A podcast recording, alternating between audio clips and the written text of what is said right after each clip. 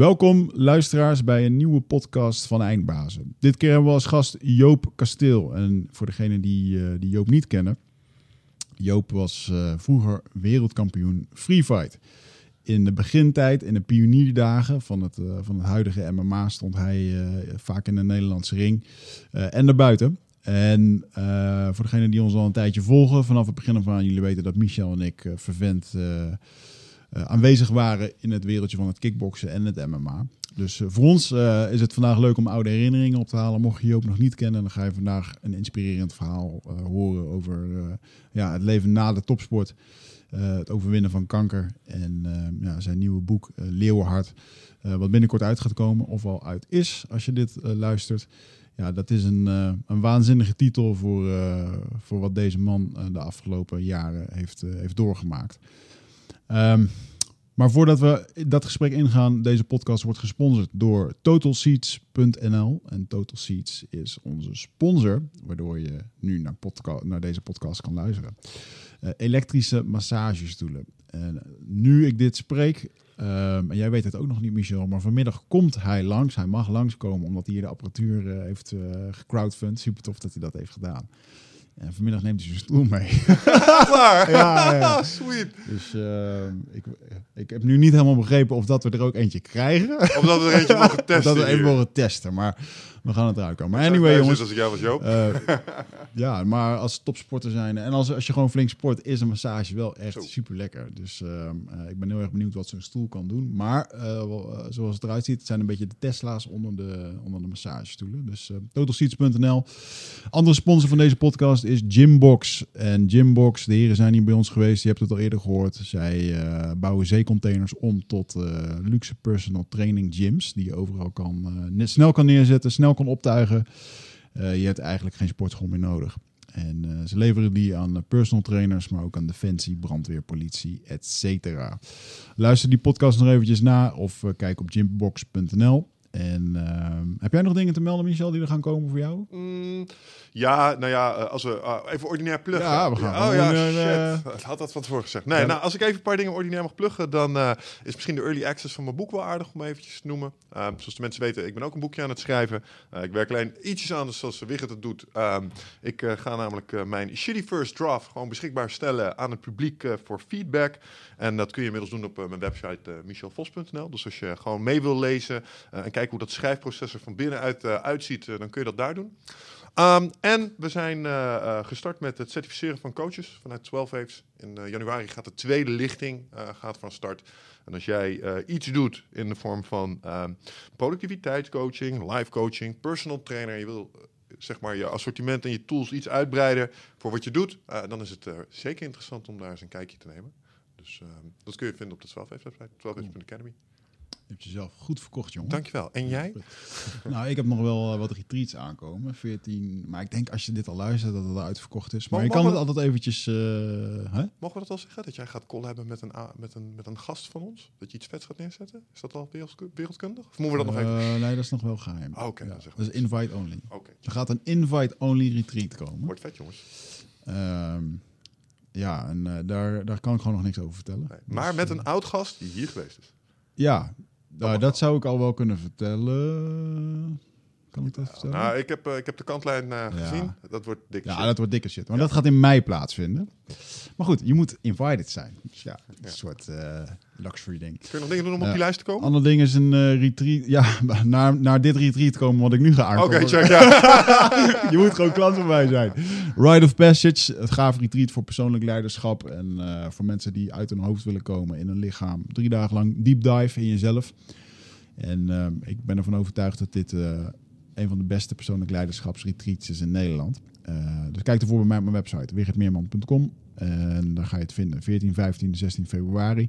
Als je die mist, dan komt er wel weer een nieuwe in de toekomst. Top. Einde schaamteloze zelfpromotie. En eh, ik geef nog een business tweedaagse op 16 en 17 Oh, januari. maar ik denk dat dan de podcast net een beetje uitkomt. Dus, ehm, eh, maar kijk daarvoor eventjes ook op mijn website als je ondernemer bent en je wilt twee dagen eh goede start maken van 2020. Genoeg over onszelf geluld. Door die is bijna in slaap gevallen. Joop, Joop, wakker worden. Ja. Hoor hele interessante dingen. Maar eh, ik vind het wel eh, tof. Joop, welkom in de studio dat je er bent. Het heeft even geduurd om eh, dit te plannen. En ehm, het is echt grappig. Ik had vroeger gewoon een poster ehm, op mijn kamer hangen. Zo'n hele grote, die normaal in zo'n bushokje hing. Of Mhm. tenminste ja, bij de sportscholen. Waar jij tegen Lee Hesdal volgens mij voor de wereldtitel vocht. Eh, En, eh, Lee Hesdel of Lee Hessel stond op die foto. Maar even, oh jij moest tegen Roman Zensov. Zou dat kunnen? Ja, dat is uh, Veni Vidi Vici.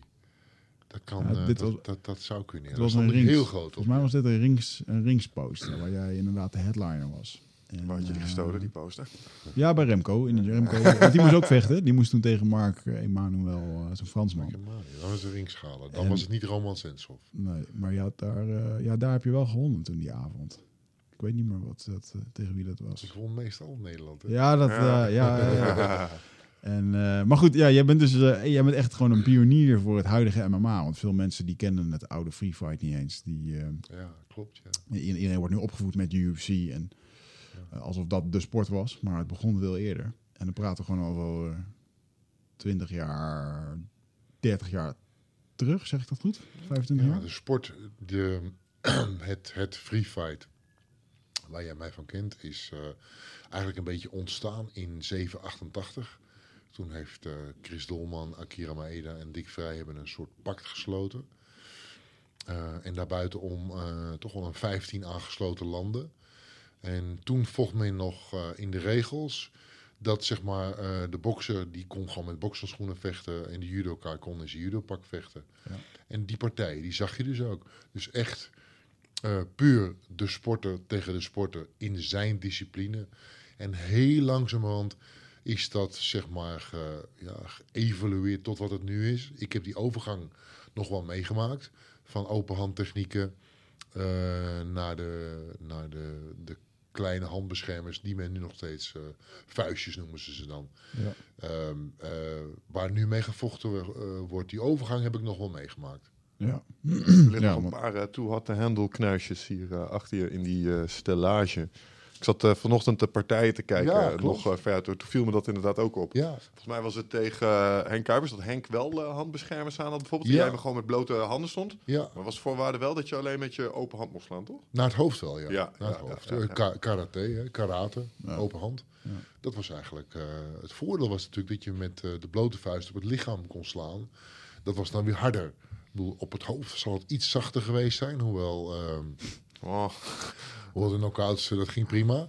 Maar eh, de blote vuist op het lichaam, dat vond ik altijd heel prettig. Ja. Dat je kan dan, eh, zeg maar, het klinkt een beetje bruut, maar je kan natuurlijk veel schade aanrichten. Ja. Meer dan met een handschoen nog, als je met een blote vuist op de ribben kan slaan. Ja. ja, dan was dat wel een hele strategische keuze in, in die vorm van vechten. En er ontstonden zo ontzettend veel stromingen. Eh, ook op een gegeven moment, omdat Nederland werd het toen verboden. Omdat eh, Willy Peters op de voorpa- va- voor- voorpagina stond van eh, Volkskrant met zijn hoofd open gespleten volgens mij. En dat Ja. toen... eh, kooi gevechten. ja, het was, Dat was, dat was het enige Nederlandse kooigevecht wat ooit geweest is. Ja. En ehm, toen kwamen er allerlei kara- karate, jitsu stromingen. Ja, En, klopt, ja. Met broeken aan en wel was het een soort karate waarbij je ook mocht werpen. En, eh, Ja. en toen was het wel, ehm, ja, vind, ik vind het, nu vind ik het ook nog wel eens, maar dat komt misschien omdat ik een purist van de sport ben. Ik weet nog dat ik de eerste keer ging kijken, toen was ik 15 jaar, ging ik net bij Remco trainen. Remco ging dan ging een achtmans toernooi doen. Dat was zo'n karate jitsu toernooi. En ik was 15 jaar en natuurlijk had ik wel het, idee van, nou ja, ik, ik kende Remco als sportman, maar ik ging daar ook wel heen als een soort van, ja, we gaan gewoon kijken naar een paar gekken die in de ring staan en eh, dit wordt lachen, weet je wel. Ik wist toen nog gewoon niet veel van de sport af en naarmate je er meer in rolde, zag je pas eigenlijk hoeveel, eh, hoeveel diepgang en, en toewijding eraan aan vooraf ging. Ja, want dat, wat je in de ring ziet, dat is niet, eh, ja, dat is 1% van wat er echt, eh, echt gebeurt. En ehm, soms dan mis ik het wel eens. Nu ook wel eens met, een, met de UFC. En dan denk ik, ja, de mensen, van mensen zien het, het is, ze zien het als entertainment. Maar er zit zoveel achter. En als je dat kan waarderen, dan is het echt een fantastisch schaakspel. Ja, heb je niet het idee, dan ben je ook wel een vraag jij op. Heb je het gevoel dat eh, eh, de gemiddelde toeschouwer, laat het zo zeggen, in het begin kan ik me nog gala's herinneren, waarbij toen het gevecht naar de grond ging, wat gebeurde er dan?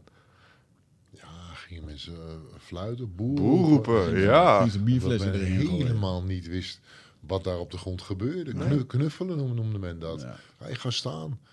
En er zijn, ehm, er zijn organisaties die daar ook zelfs op, op ingesprongen zijn. Door het gevecht maar 30 seconden en later op één minuut op de grond Ja. eh, lieten. Eigenlijk omdat anders, dat was zo zwart-wit dat het publiek weg, gewoon wegliep. Ja. Ja, ze liggen alleen maar te knuffelen.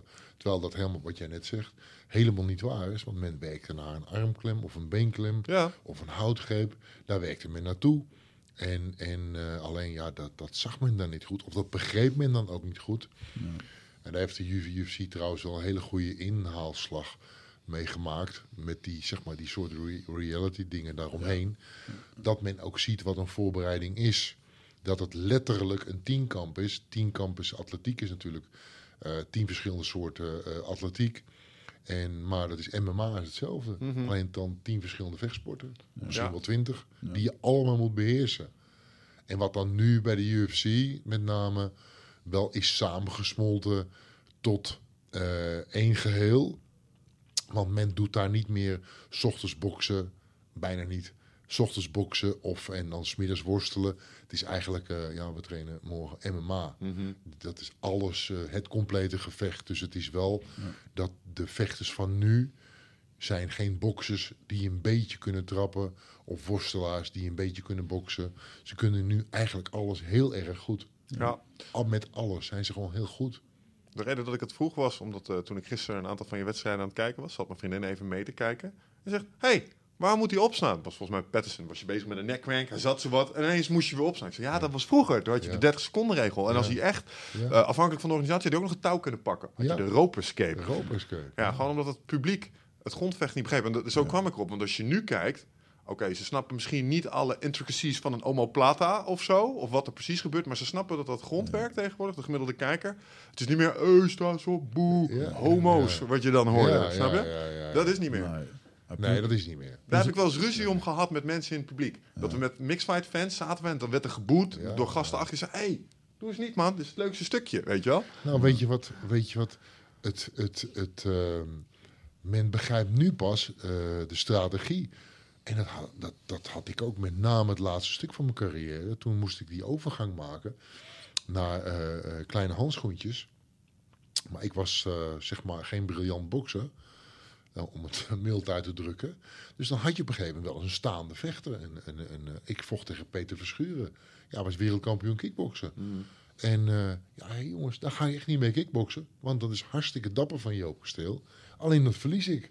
Nou goed, dan ben je dus eigenlijk met een stukje tactiek bezig. Van ja, als Peter heel even niet oplet, dan spring ik echt eh, naar zijn voeten. Die pak ik en ik ga werken naar een armklem, beenklem of weet ik wat. Ik ga met hem niet kickboksen. Dus de mensen, ook toen nog, die begrepen dan niet. Joh, die Joop die neemt me mee naar de grond. Die durft niet te staan. Ja, Ja. nee. eh, No maar het gaat mij om die winstpartij. En dan ja. tu- nu, nu zoveel, nu 10, 15 jaar later, weet men natuurlijk niet meer hoe ik gewonnen heb. Er staat gewoon op shirt ook, staat winst die op kasteel. Ja hoor. Daar gaat het om. En natuurlijk ook, want zo werkt het wel. Ik bedoel, ik, eh, als jij op een gegeven moment, ik won 22 partijen op knockout in het begin, de allereerste, toen ik begon. Ja, dat verhoogde mijn, mijn marktwaarde. Eh, en dat, dat betekent echt het verschil van, in mijn tijd nog guldens ook, eh, van duizenden guldens startgeld wat je meer kreeg. Ja. Dus ja, het ging ook vooral om de winst. Ja, Mhm. ja. ja want dat, dat is wel eh, mooi. Ik weet nog dat jij, toen ik dat eh, gala van mij organiseerde en jij de ringspeaker was. Hoogtepunt van zijn carrière. Was eh. Hè? Dat zeker. Daarna, daarna is het echt in een vogel, eh, vogel gegaan. Maar ehm, eh, ehm, weet je, ik was toen 20 jaar, organiseerde een gala voor, voor mijn vrienden in Os. En ehm, toen was jij ringspeaker. En toen weet ik nog dat er bij ons een jongen was, Dwen. Eh, verkocht 90 kaartjes. En dat was echt voor mij als beginnende promotor was dat van, wauw, dit is tof, weet je wel. En dat, dat ik dat tegen jou vertelde. Dat jij echt zo heel droog opkeek. zei, toen ik vroeger voor rings zocht, verkocht ik 400 tot 600 kaarten. Wow.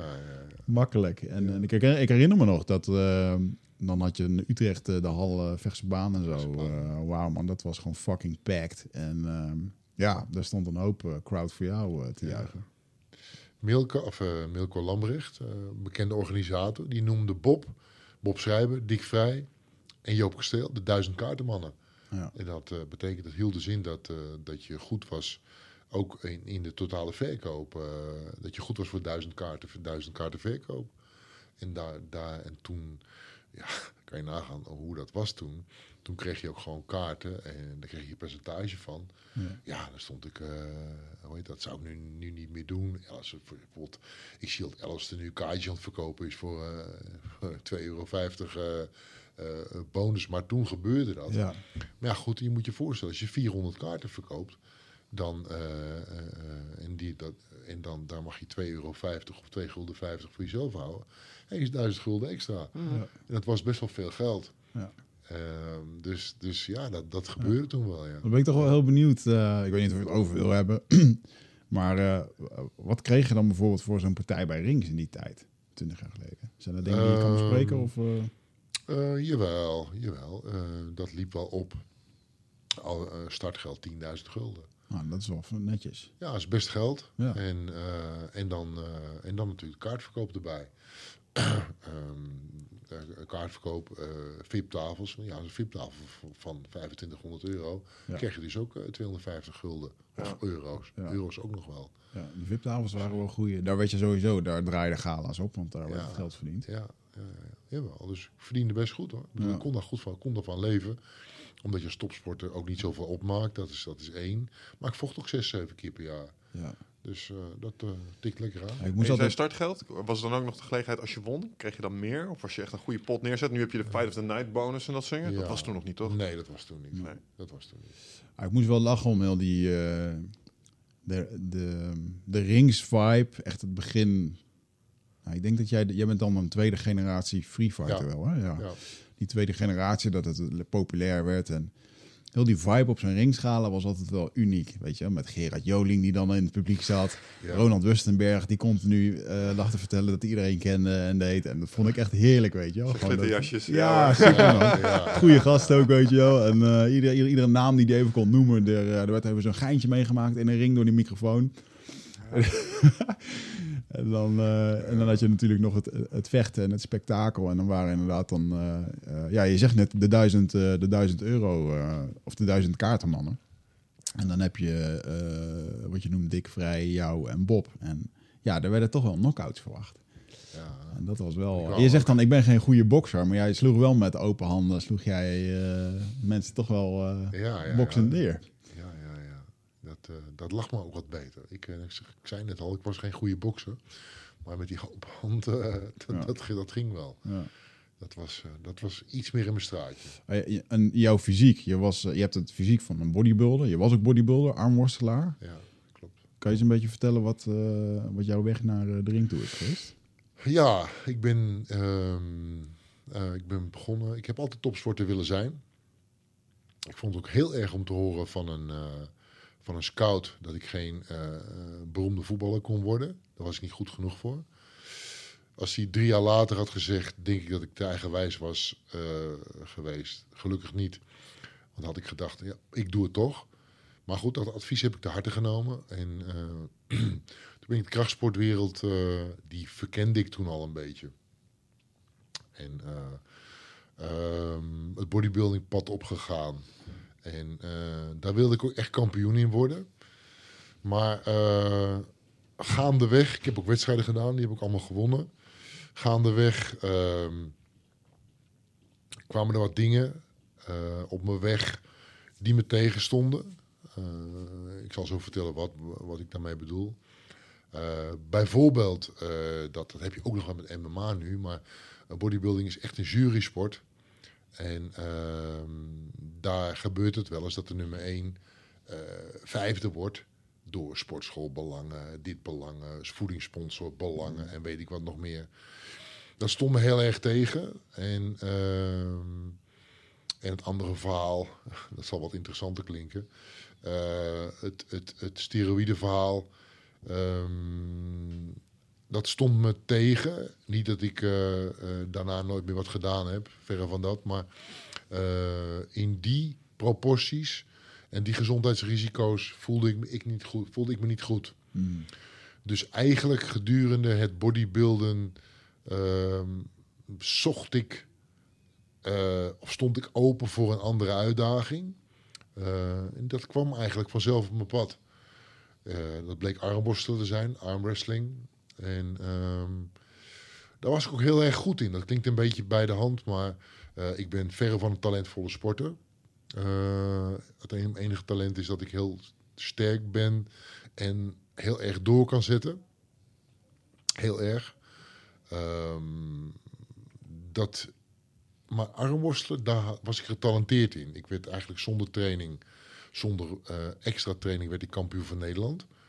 En ehm, daar liep ik eigenlijk min of meer tegenaan, tegen die sporten, sport. Eh, en dat ging goed.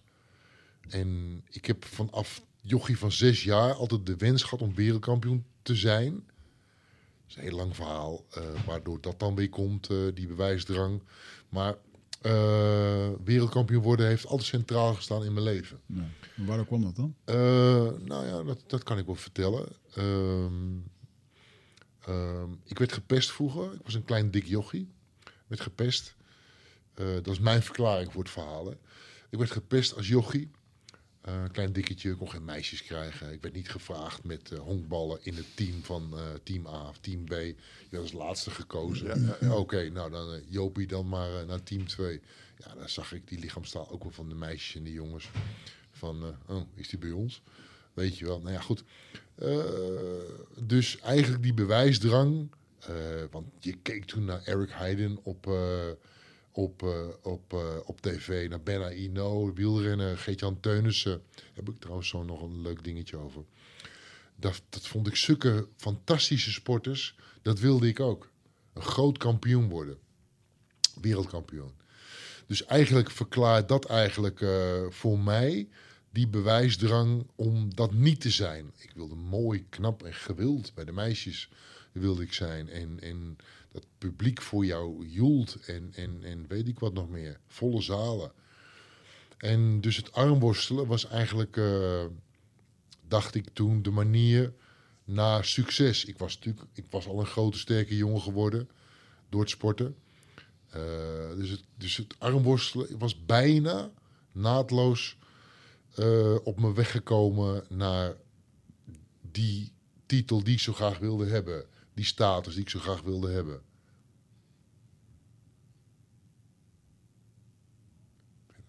Wat zeg je? Verder? Ja, gewoon Ja. lekker Oh, verder. Ja, ja, weet je, ja, we ja, zitten we gepassioneerd te luisteren. Nee, je doet het Oké, oké, oké, Je oké. had niks te doen Sorry, hoor. Dus, dus, Ja, als wij dus, stil eh, zijn, is het een goed teken. Oké. dus, dus ehm, dat hield zich. Eh, dat, dat ging door. Eh, ik was al. eh, op een gegeven moment was ik in Amerika, was ik tweede geworden op het WK. In, in, in Amerika. Dat was wel wat ik wilde. Ja, tweede worden niet, want ik verloor de finale. Maar dat was wel een heel eind wat ik wilde. Die wereldtitel, die wilde ik ook wel. Maar ik miste iets. Ehm, eh, ik ben ook wel een beetje showboat geworden. Eh ijdeltijd, showboat. eh, en dat miste ik aan het armworstelen. Ik wilde iets meer show. Was het niet zoals, hoe heet die film ook alweer? Over de top. Ja, die ja. die gasten. Daar Ja. heb ik al tegen gestaan. Echt waar? Ja. ja. Wauw, ken je die film? Ja, Ja, was, ik- Jij als Ja. jaren tachtig eh, actiefilm eh, Ja, fan? ik, ik, ik, ik ken Sylvester wel Stallone, toch? die. Ja, eh, Ja, ja, ja, ja, ja. Is het ook die kerel die in Predator eh, met Schwarzenegger speelt? Die donkere kerel, ook zo- zo'n gigagast. Als ze elkaar die arm geven. Ja, ja, ja, ja, ja, ja, En ja, jullie ja, ja, spieren. Volgens mij Ik weet niet of hij in die eh, film zat, maar ik weet wel dat er een film was over armsdrukken. Of Oké. armworstelen, Ja, dat op zich, ja. Maar dat was, daar was het allemaal wel redelijk groot. Jullie Daar publiek, was daar was je een ster als je daarin Ja, won. eh. dat was ook alleen eh, voor de film. eh, inderdaad, ja, als het zo was in de film, dan had ik. eh, Was je daar gebleven? Dan was ik ar- ar- armworstelaar. eh. Maar het is meer een beetje van die powerlifter, dikke bierbuiken. En eh, dat is het meer, toch? Dat wereldje? nee, nee, nee, nee, nee, nee. Ik, dan, zou je, dan ga je, denk ik, naar mijn mening, iets te veel naar, naar darts toe. Eh, Oké. was ook die, eh, opkomstmuziek. hè? Nee, als je die gasten kijkt, als je die over de top, eh, moet je maar straks maar eens kijken, een Ja. filmpje. Echt ge- gespierde gasten. Ook dik buiken. Maar het percentage, ik denk wel 60-40, eh Ja. 60-40 spierballen. Oké. En ehm, eh, die andere 40% ehm eh, spierballen en bierbuiken. Ja. Hmm. En eh, hoe heet het? Dus, dus dat was een heel eind ehm, wat ik wilde. Alleen dat show-element, dat miste ik. En bij mij komt altijd op mijn weg uh, waarnaar ik op zoek ben. Hoe het kan, dat weet ik niet. Maar dat komt gewoon. Uh, dat kwam in de vorm van Dick Vrij. Ik ging wel eens uit in Amsterdam, niet veel, want ik was echt uh, een begenadigd topsporter. Begenadigd in de zin van de inzet die ik die ik ervoor op kon brengen. Het doen en het laten van, uh, van dingen. Dat hield ook in uh, uitgaan. Uitgaan is voor mij niet meer een glaasje spa blauw in de hoek staan. Uitgang is voor mij uh, drinken, feesten. En, ehm, dus dat deed ik niet zoveel. Maar ik was dus dik vrij tegengekomen. Nou goed, dat klikte. Dat klikte. Ja, grote kerel in de beroemde IT toen de tijd, de discotheek. Dat, dat klikte. En um, nou ja, je van het een komt het ander. Er komt een blad voorbij, dik dik in actie, dik in actie in Japan en weet ik het allemaal. En toen voelde ik eigenlijk al iets van, hé, uh, hey, dat wil ik ook. Maar ja, goed, ik was nog niet bepaald een goede vechter. En um, dus van het een komt het ander. Um, ik had in Japan het WK uh, armworstelen gehad in 92, december 92. Nou ja, weer tweede geworden. Dat maakte me niet uit. Uh, ja, het maakte me wel uit, maar dat, dat is niet zo van uh, het lukt maar niet, het lukt maar niet, want ik was 28 toen. Uh, maar wel dat, uh, dat, bleef, dat, dat stemmetje bleef knagen van Joop. Um, er is nog iets anders. Nou goed, toen kwam dat dus weer op me weg. Dick zeg, zegt, zei tegen me, ga eens mee naar, naar Noord. Wat is Noord? Ja, dat is hier verderop, Amsterdam-Noord. En dat bleek het domein van Chris Dolman te zijn waar de free fighters allemaal trainden. Je moet niet vergeten, uh, het was uh, februari 93 toen ik daar kwam, dat uh, het mekka van het free fight was gecentraliseerd in, in Amsterdam-Noord bij Chris Dolman. Want ja, Martijn de Jong, de gym van Martijn de Jong, van Remco, die waren er toen nog niet of nauwelijks. En niet lang daarna kwam dat wel hoor, maar uh, toen nog niet, dus je moest free fight. Dat trainde je bij Chris Dolman. Mm. Nou goed, uh, ik met Dick mee. En uh, op een uh, regenachtige woensdagavond in februari, 93. Nou, mee naar Chris, meetrainen. Nou, dat bleek de zwaarste avond van mijn leven te zijn. dingen meegemaakt in bochten. Werd ik gevrongen door een judoka van 76 kilo. Ik was 129. Mm -hmm echt heel sterk. Maar een armklem tegenhouden bij die jongen van 76 kilo, dat ging niet. En daarna weer niet, en daarna weer niet. Nou, het afkloppen heb ik daar ook geleerd. Ik leek, ik, ja. ik, leek Woody, ik leek zich altijd, uh, als kwinkslag, uh, ik leek Woody Woodpecker wel. Ik bleef afkloppen. Dus, uh, maar eigenlijk toen ik onder de douche stond na die les, om half elf uh, s'avonds, um, bleek Nee, voelde ik onder de douche, dit is, was wel mooi, dit is wat ik wil. Uh, letterlijk die eerste avond dacht ik dat, dit is wat ik wil. Um, ik heb het gevonden wat ik wil. En ik ga hier ook wereldkampioen in worden. En het, gek, het mooie is, want de sport was toen, die bestond toch niet zo, nog niet zo gek lang. Um, het gekke is, het mooie is, dat uh, uh, er was toen nog niet eens een wereldkampioenschap. Zover was men nog niet eens. En dat ik zelf aan de voet heb gestaan, aan de wieg heb gestaan van het eerste wereldkampioenschap in, in Nederland, notabene. Tussen mij en, uh, moet ik niet zo zeggen, uh, tussen Gilbert Eiffel en mezelf. Mm -hmm. Dus eigenlijk heb ik dat nog ge, gestimuleerd, ge, ja, hoe zeg je dat? Gezorgd, mede. Gecreëerd voor jezelf. Ja, ja, zeker. Ja, ja, ja, dat is de kwam. Mooi. Ja. Ja. Ja, ik, sowieso. Ik zit ernaar te luisteren. En tegelijkertijd, met, met dat je het vertelt over die judo, denk ik, oh, wat is het toch eigenlijk ook een vette sport. Hè? Het feit dat jij als twee na sterkste gast in het armworstelen, sterke grote doet, 129 kilo. En dat dan een judoka, van hoeveel was die? 76. 76 kilo. Ja. Daar in principe op de mat korte metten mee kan maken. Korte metten. En dat ja. vind ik echt zo geweldig aan, aan, aan ja. die specifieke sport. Ik begrijp. Dat vind ik echt mooi. Ja. Hoe was dat voor jou overigens? Was dat een uh, dagje van, oh, je komt daar binnen en je denkt, oh, ik ben een groot sterk jongen, dat komt goed. Uh, of had je toch al wel zoiets, nou, ik weet niet waar dit schip gaat stranden. Wist je er al iets van? Nee, uh, ik was in ieder geval niet bang. ik kan wel wat, dacht ik. En ik was zo bizar sterk toen. Dat eh, den vreemde bevreesde me wel een beetje. Van, wat gaat daar komen? Mhm. Maar nee, om een pak rammel te krijgen heb ik ook niet gehad trouwens. Hoor. Ik heb wel eh, vakkundig op een lazen gekregen.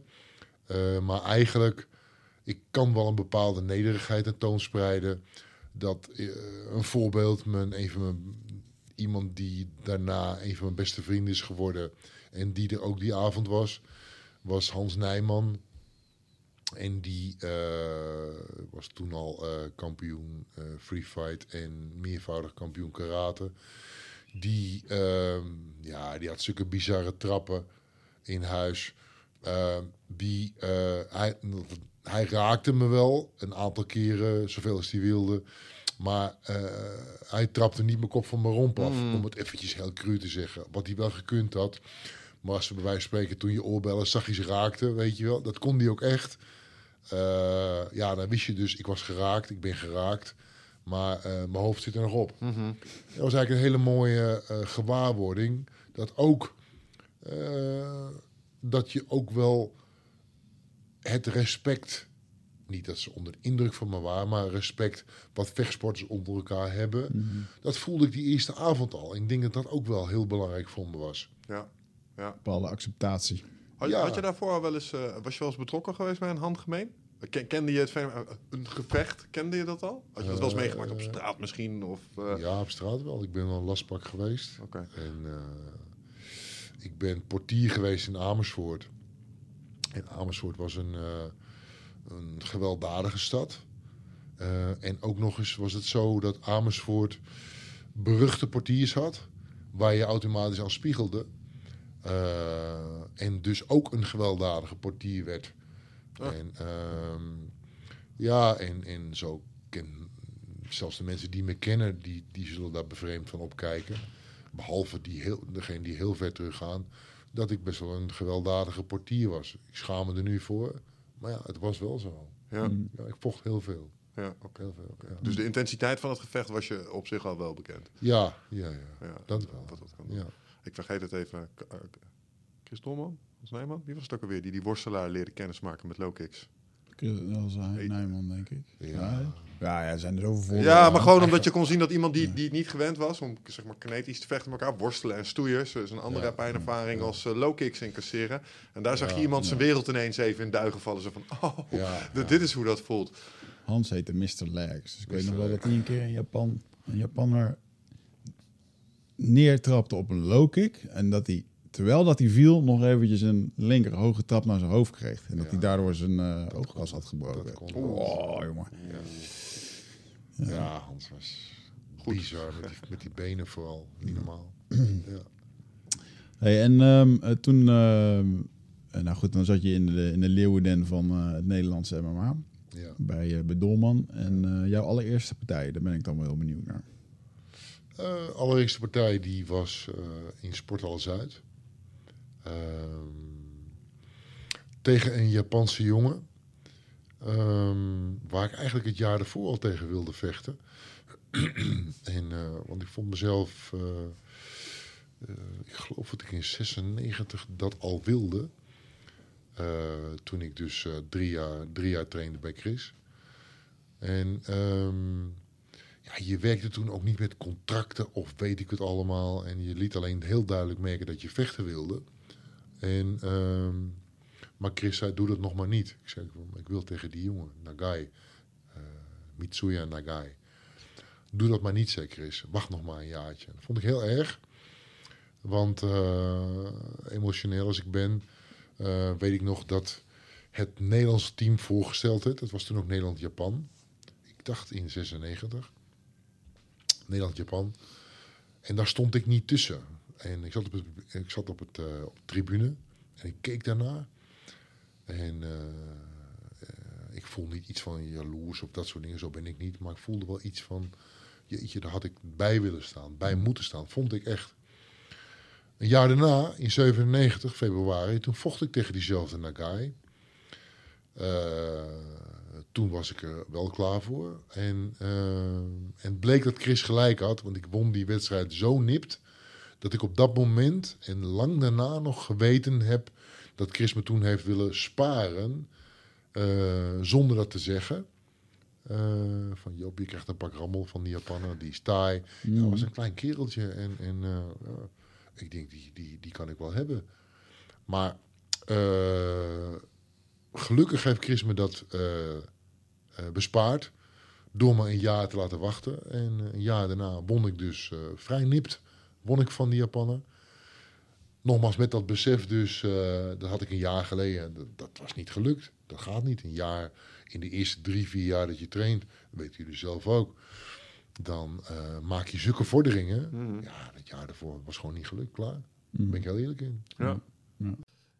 Zit jij eh, vaak in je hoofd? Eh, neem je heel veel informatie tot je video's, podcast, boeken? Eh, nou, voel je niet schuldig, dat doen heel veel mensen natuurlijk. Hè, maar vaak zijn we op zoek naar antwoorden. Ehm, gaan we nog meer informatie tot ons nemen. Terwijl ja, de antwoorden liggen toch echt in onszelf. En dat is iets wat we voelen met ons lichaam.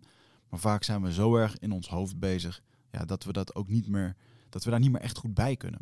En dat is graag waar ik je voor uit wil nodigen. Voor Rite of Passage. 24, 25 en 26 mei is er weer een nieuwe editie.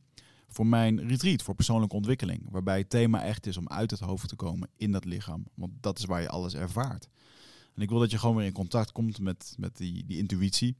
Ehm, en dan gewoon een heel sterk eh, innerlijk kompas. Dat je gewoon weer weet waar je naartoe moet. Wat je te doen staat. En dat je gewoon weer helderheid hebt over wat je wilt en hoe dat je dat gaat doen. En dat doen we middels eh, bio-energetische oefeningen, dynamische meditaties, een stuk shamanisme zit erin. Het enige wat er bekend is van het programma is dat er een zweethut in zit. Eh, en natuurlijk gewoon hands-on persoonlijk leiderschap. Eh, dit retreat krijgt een 9,2 gemiddelde van meer dan 331 deelnemers. Daar ben ik ontzettend trots op. Sterker nog, er is ook een money back guarantee. Vind je niks na drie dagen, krijg je gewoon je geld terug. Dus het enige risico dat je loopt, is dat je gelukkiger wordt. Klinkt dit als iets voor jou en durf je het aan? Dan zie ik je op Ride of Passage. Ga naar wichertmeerman.nl en klik op Retreat. Mooi dat je dan ook je eerste partij in de sport alles uit hebt mogen doen. Ja, er was ook natuurlijk wel weinig aanbod aan gala's. Dat, dat was dan ook het enige waarschijnlijk. Ja, er waren er niet zoveel. Als je al zo gek was om in die ring te staan. Ja, en dan gelijk. eh, en dat merkte ik trouwens wel, die eerste partij.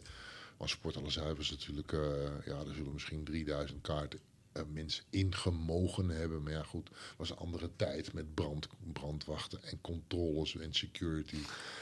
Ja, ik denk dat er ook wel 5000 geweest zijn. Ik bedoel, eh, ik, eh, ik ken Chris een beetje. En, ja, kon dat wel regelen. Kan er een paar bij. Een paar kaarten extra, dat zou. eh, het is toch verjaard, dus een paar kaarten extra. Dat zal vast gebeurd zijn. En eh, ik merkte toen al, ook met mijn opkomst, ondanks mijn nervositeit, dat. Ja, ik dacht van. Bijna letterlijk van. Ja, daar hadden nog op voor mij nog wel duizend bijgemogen. Want publiek wat uit zijn dak gaat. ehm, ja, dat, dat, dat, dat voelde ik al. Wat ik straks al zei, wat ik miste bij het armborstelen, het show-element. Eh, dat wist ik toen nog meer op die dag. Van ik heb het gevonden. Dat wist ik toen eigenlijk wel zeker. Mhm. Wat vind je daar zo vet aan? Nou, ik denk dat je dan wel weer terug moet gaan naar het dikketje, wat ik straks zei. Ehm, die bejubeld wil worden. Mhm. Van zie je wel, eh, ik ben wel knap. En eh, ik ben wel goed met sport. Jullie hadden me wel moeten kiezen met, met eh, softbal of met honkbal. Dat is eigenlijk, denk ik, wel de rode draad die door mijn leven loopt. Een soort bewijsdrang, omdat je in een hoekje... Kijk, pest is natuurlijk heel actueel. En heb ik gezegd, bijna niemand weet dat van mij. Maar pesten is best wel een dingetje in mijn leven geweest. En eh, dat vond ik ook heel erg. En als ik eraan denk, kan ik nog wel een bepaalde boosheid voelen. Ik ben geen verbitterd mens. Ik ben dolgelukkig, echt. Ik ben wereldkampioen gelukkig zijn. Maar eh, dat kan ik nog steeds wel om bepaalde dingen die waar men mij mee gepest heb. Dat, dat overdrijf ik niet. Dat ik zeg van, ehm, als ik zeg, die boosheid kan ik nu nog wel voelen. Ja. Ik kan er nog wel ruzie om maken met iemand ook. Ja, Uit die tijd. grappig is dat. Ja, ja. Ja, en heb je, heb je, want ik ben vroeger ook gepest. En ik herken dat als ik in situaties kom waarbij ik zie dat iemand gepest wordt. Ja. En ik heb de kans om een pestkop even op zijn plek te zitten, Ja. dan moet ik opletten dat ik daar niet te scherp bovenop ga springen. Ja. Van, oh, ik heb de kans. En dat ik eigenlijk met terugwerkende kracht iedereen die mij vroeger het leven zuur heeft gemaakt, in die persoon dan zie en dat daar nog even lekker een keer op bot vier. Ja, ja, ja, Herkenbaar? Ik begrijp dat wel. Ja, Ja, tuurlijk. ja, grappig. Tuurlijk. Dus eigenlijk wat je zegt is dat die hele carrière één grote exercitie is een aantal tering, teringlijsten tegendeel bewijzen. Ja, een flink stuk daarvan. Ja, flink ja stuk herken ik wel. Ja, Ja, dat heb ik zelf ook wel eens last van. ja. Sterker nog, ik denk dat het een van de belangrijkste redenen is geweest waarom vechtsporten mij zo eh, hebben aangetrokken. Is omdat ik mij ineens van kwetsbaar naar heel weerbaar vond gaan. Ik dacht, oh, ik kan mezelf eh, blijkbaar gewoon manifesteren tussen stoere gasten. Gasten die ik vroeger een beetje intimiderend vond. ja. Snap je? Ja, dat snap ik heel goed. Weet je wat het is? Ik, ik denk ook, want je moet. al- Weet je, het is, ehm, eh, waarom heb je een bepaalde eh, bewijs aan? Worden we geboren als topsporter? Ja, ik weet het niet. Ehm, eh, waarom is een bepaalde weg? Waarom loopt die zo? En, en ik kan helaas, eh, of niet helaas, helaas, alleen voor mezelf spreken. Ehm, alleen bij mij denk ik dat op deze manier te, te, te kunnen verklaren. Want ik bedoel, ik heb helemaal, ik kom niet uit een topsportklimaat. Mijn hele familie werkt in de bouw. Het waren eh, stoere, eh, grote, sterke kerels. Mijn opa was een beer en mijn ome Jan ook. En, en, ehm, en dat werd ook gestimuleerd. Hard werken, dan heb je, heb je geld en dan heb je... En dat vond ik eigenlijk ook wel stoer. Ik wilde mijn ome Jan worden. Die was groot, sterk, knap. Vrouwen keken naar hem, dat zag ik ook. Dat vond ik wel heel belangrijk, dat vrouwen Mhm. naar je kijken. Ehm, eh, en dat wilde ik ook, ome Jan worden. Ja. Ja, dat was, dat was ook wel een doel. En dan gaandeweg ontwikkelt zich dan iets eh, dat je dat eh, niet in de bouw wil doen, maar in de sport. ja. Ja, dat, En- eh, Interessant. Maar, en dan heb ik een interessante vraag voor je. Want als ik, ehm, ik herken veel van de dingen die je zegt, dat ik, ik doe ook dingen, omdat ik eh, in, in mijn jeugd bepaalde ervaring heb gehad. We dachten van, ik moet mij anders gaan gedragen. Want als je mee wil doen in het spelletje, ook met de meisjes mee wil komen, ze willen je interessant Ja. vinden, moet je op een bepaalde manier gedragen. En ik heb heel goed gekeken naar gasten die dat deden. Jouw ome Jan, op school had je ook, je had de jocks, hè. kon gewoon kijken wat ze deden, kon je analyseren, kon je emuleren. Dus ik snap het wel. Ehm, maar En ik denk dat ik om die reden ook soms nu dingen meemaak, deze podcast, eh, in mijn bedrijf, eh, dingen nog steeds een beetje met dat in mijn achterhoofd doe. En nu jij, eh, je, je vertelt wat over het pad dat je hebt bewandeld, je bent op hele mooie plekken gekomen, boel vette dingen meegemaakt, een rijk en interessant leven geleid. Zou je dat hebben geleefd als je niet die pestkoppen had gehad? ja, En zou je dan op dit moment, als je moest kiezen, zou je ze dan alsnog weer toelaten? Dus als je weer helemaal overnieuw mocht, zou je je dan weer laten pesten? Ik denk dat het antwoord ja zou zijn. Want ik denk dat als het makkelijk was geweest toen, dat ik nu niet hier zou zitten. ja, dat is een hele goede vraag, schuine streep bewering. Eh, ja, dat is eh, natuurlijk. eh, ik denk het wel, ja, want Hmm. het heeft me gebracht waar ik nu ben. Ik zei net, ik ben wereldkampioen gelukkig zijn. Het heeft me gebracht wat ik wilde. En, eh, en ondanks dat het een nare tijd was, eh, ja, ehm, kijk, vraag je dat aan een jochie van 6, 7, 8 jaar die met, met een dik buikje, ehm, eh, van als je dit doet, dan is het weg. Ja, dan had ik het toen gedaan. Maar, eh, nogmaals, wat jij zegt, dat klopt. Want wat het gebracht heeft, ja, dan zou ik dat nu, sorry, dan zou ik dat nu eh, voor lief nemen. Want het heeft me zoveel, zoveel rijkdom, niet in geld, maar in ervaringen, in reizen, in contacten, vriendschappen, heeft dat me gebracht.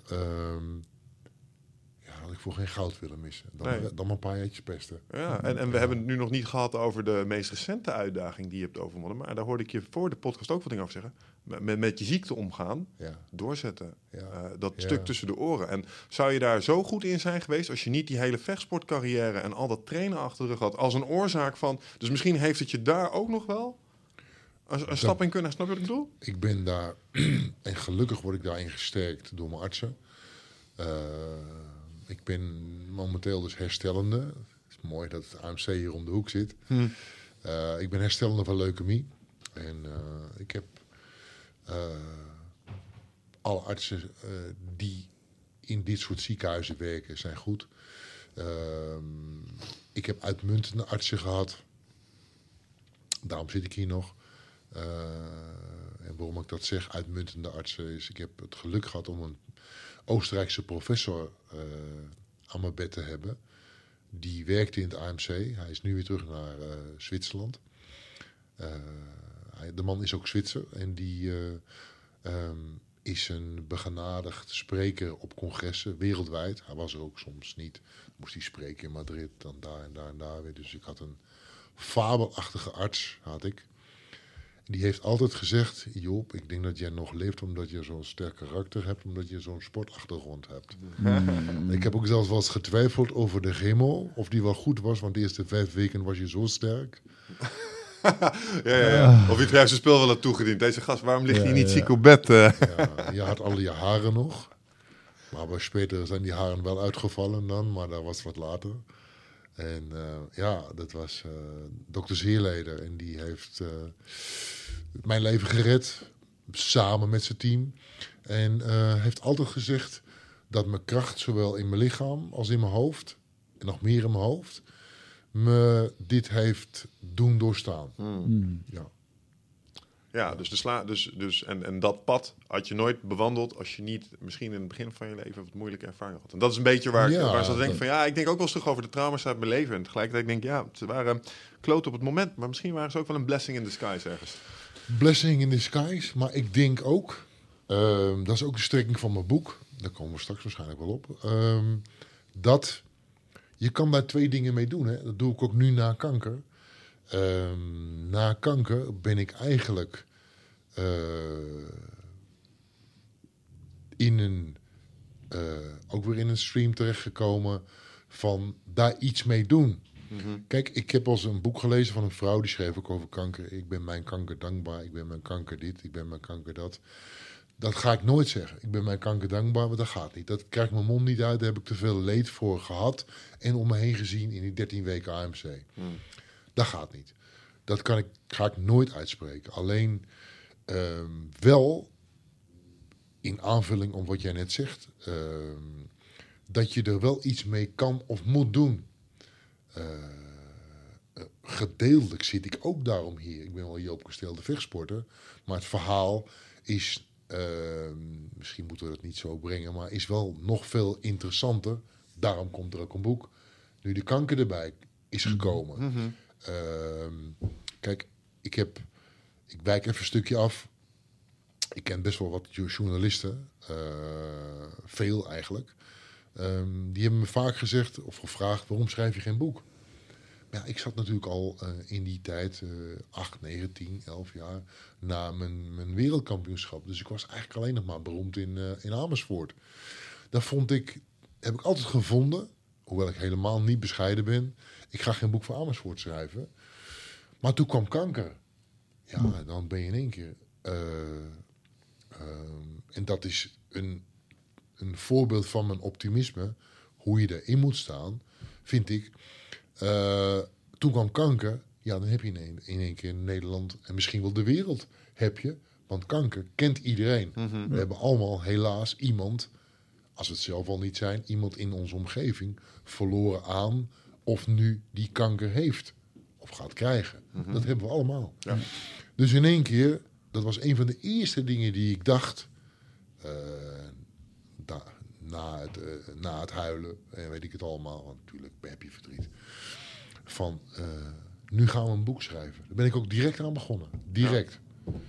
En, ehm, maar die rode draad moet wel zijn, eh, wat ik dus net zei, ik ben niet dankbaar, die ziekte, ga ik nooit doen. Maar je kan daar wel iets mee doen. Daar bedoel ik mee te zeggen eh, dat ik nu momenteel even in een notendop zelf mensen help in dit traject. eh, met adviezen, sport en voeding. Even heel, heel even in een notendop. Dus dat is een van de dingen die je daarmee kon, kan doen. Ik heb mijn werk ook meer naar die kant verschoven. Ik ben net weer een studie begonnen. eh, om, ik heb al een studie gevolgd, sporten met kanker. Ja. Eh, daar ben ik dit jaar voor geslaagd. Eh, en ehm, ben nu net weer met een andere opleiding begonnen. Dus het kan jou ook goeds brengen. Je kan er ook iets mee doen. Net wat je net zegt over dat dikketje. had je daar wel ge- geweest eh, op die troon van, van, de wereldkampioen als je dat niet het gepeste dikketje was geweest? Nou, waarschijnlijk niet. Hmm. Dus en nu ook weer ehm, dat ik deze lijn, deze dankbare lijn mag volgen. Het schrijven van een boek, dat is even het ijdeltijdje natuurlijk, hè, die dat wil. Ehm eh, en de camera's. Maar ook wel het, eh, de rijkdom van het helpen van mensen. Mhm. Ja, dat is, eh, dat is een idealere lijn van je leven. Kan ik me niet voorstellen. Nee. Je, je helpt nu mensen die ehm, hun ehm, die, die, die te horen hebben gekregen dat ze kanker hebben. Of en die, het en die, hebben. eh, of het Of hebben. het hebben, of die nu, as we speak, eh, chemo hebben. Ja. Ehm, en, en daarvoor, ze- en dat, is, eh, dat lijkt me een hele moeilijke tijd. Maar iets wat mij aan ehm, horen dat je een, een potentieel levensbedreigende ziekte hebt, wat mij altijd het, het, het meest moeilijk lijkt, is als je de, de, de omslag. Het ene moment ben je in een wereld en alles is als het is. En dan ineens is er een stukje informatie en dat wordt jou medegedeeld. En dan, volgens mij stort alles gewoon in. Alle zekerheid is weg. Het fundament gaat onder je voeten weg.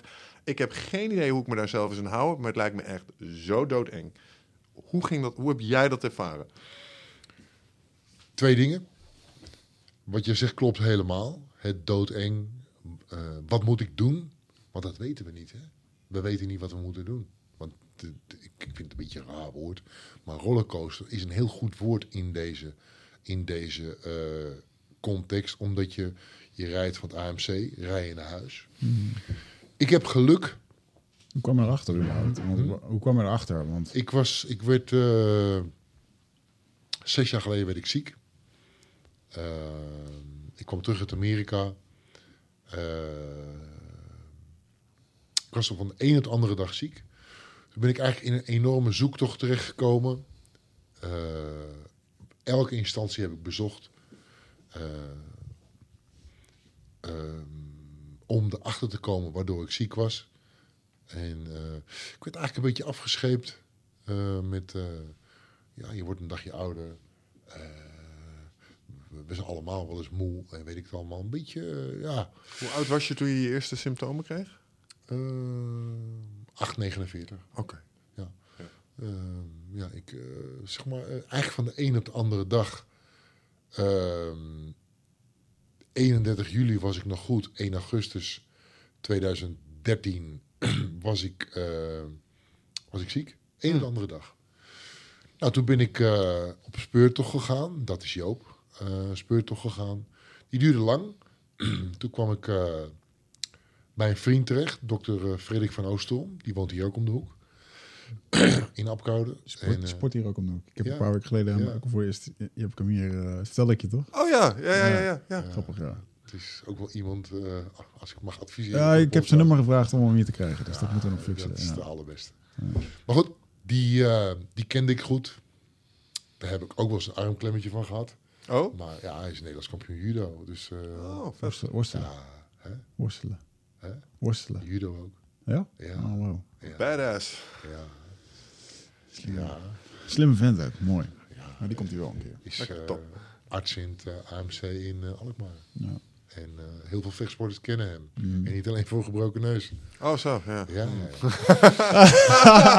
ja. Oh! Ja, ja, ja, noem maar vechtsporter op. Die, die is bij ome Freek geweest. Ja.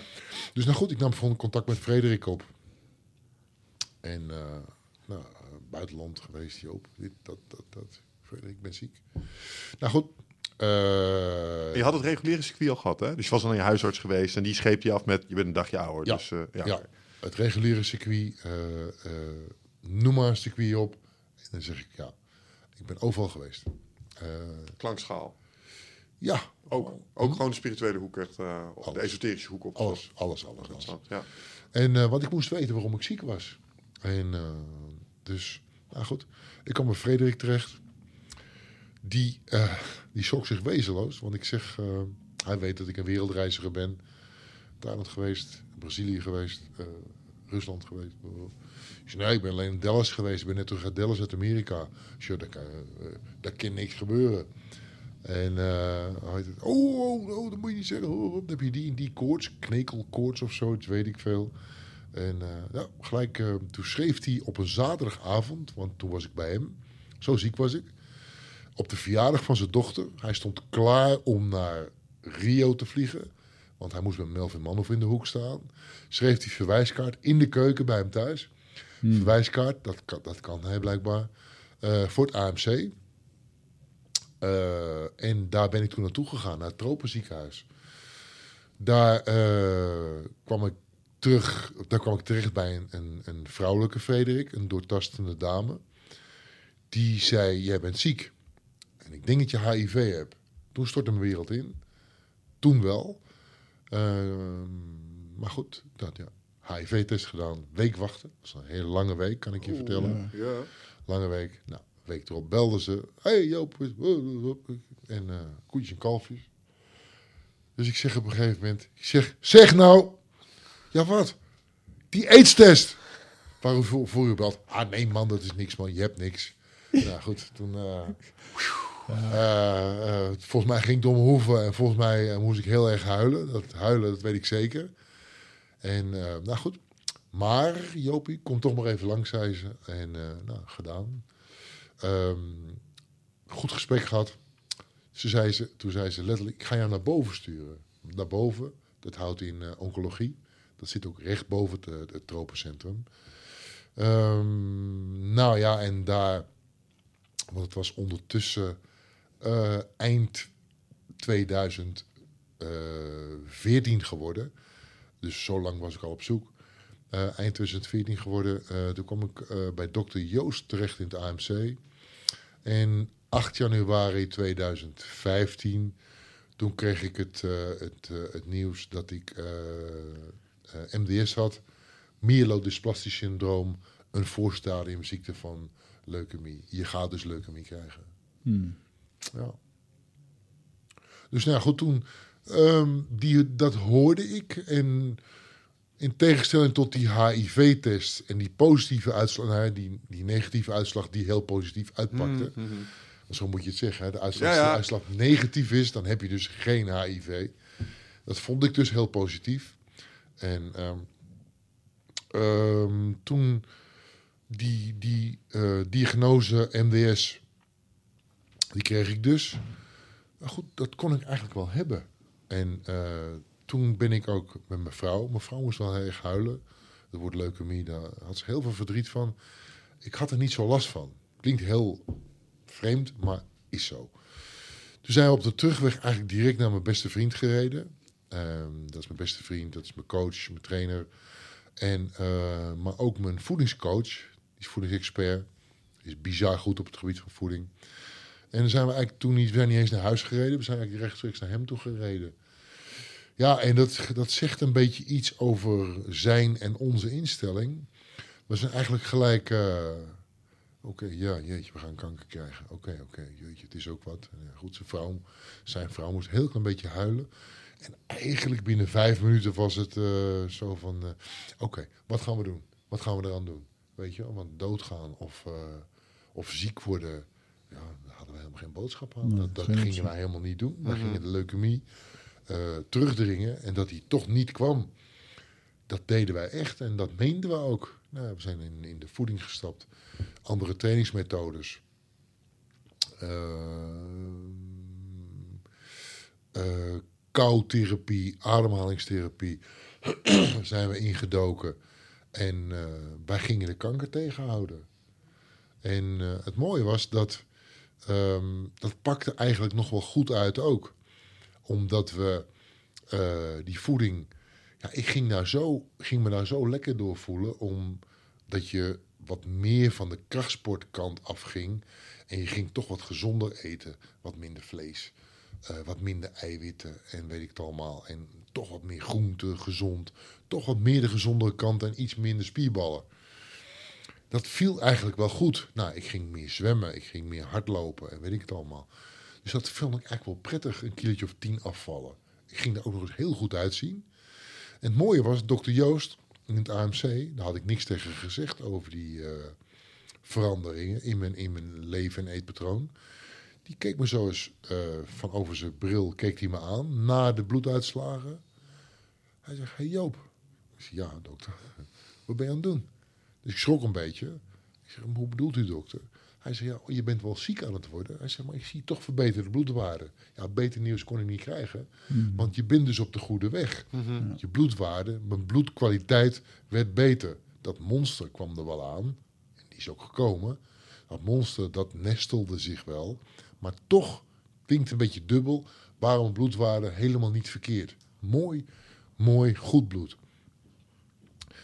Dus dat was eigenlijk eh, eh, een hele, nou, best goede periode eigenlijk. eh. Het doet me denken aan een, eh, aan, een- aan een work-up naar... naar ehm, als je weet dat je naar oorlog moet als soldaat, ga je ervoor heel fanatiek trainen. ja. Omdat je daar dan in, in, eh, op de battlefield gewoon in vorm bent. Het klinkt een beetje zo van, oké, we gaan straks moeten knokken. ja. Kan maar beter zorgen dat we in vorm zijn. Ja.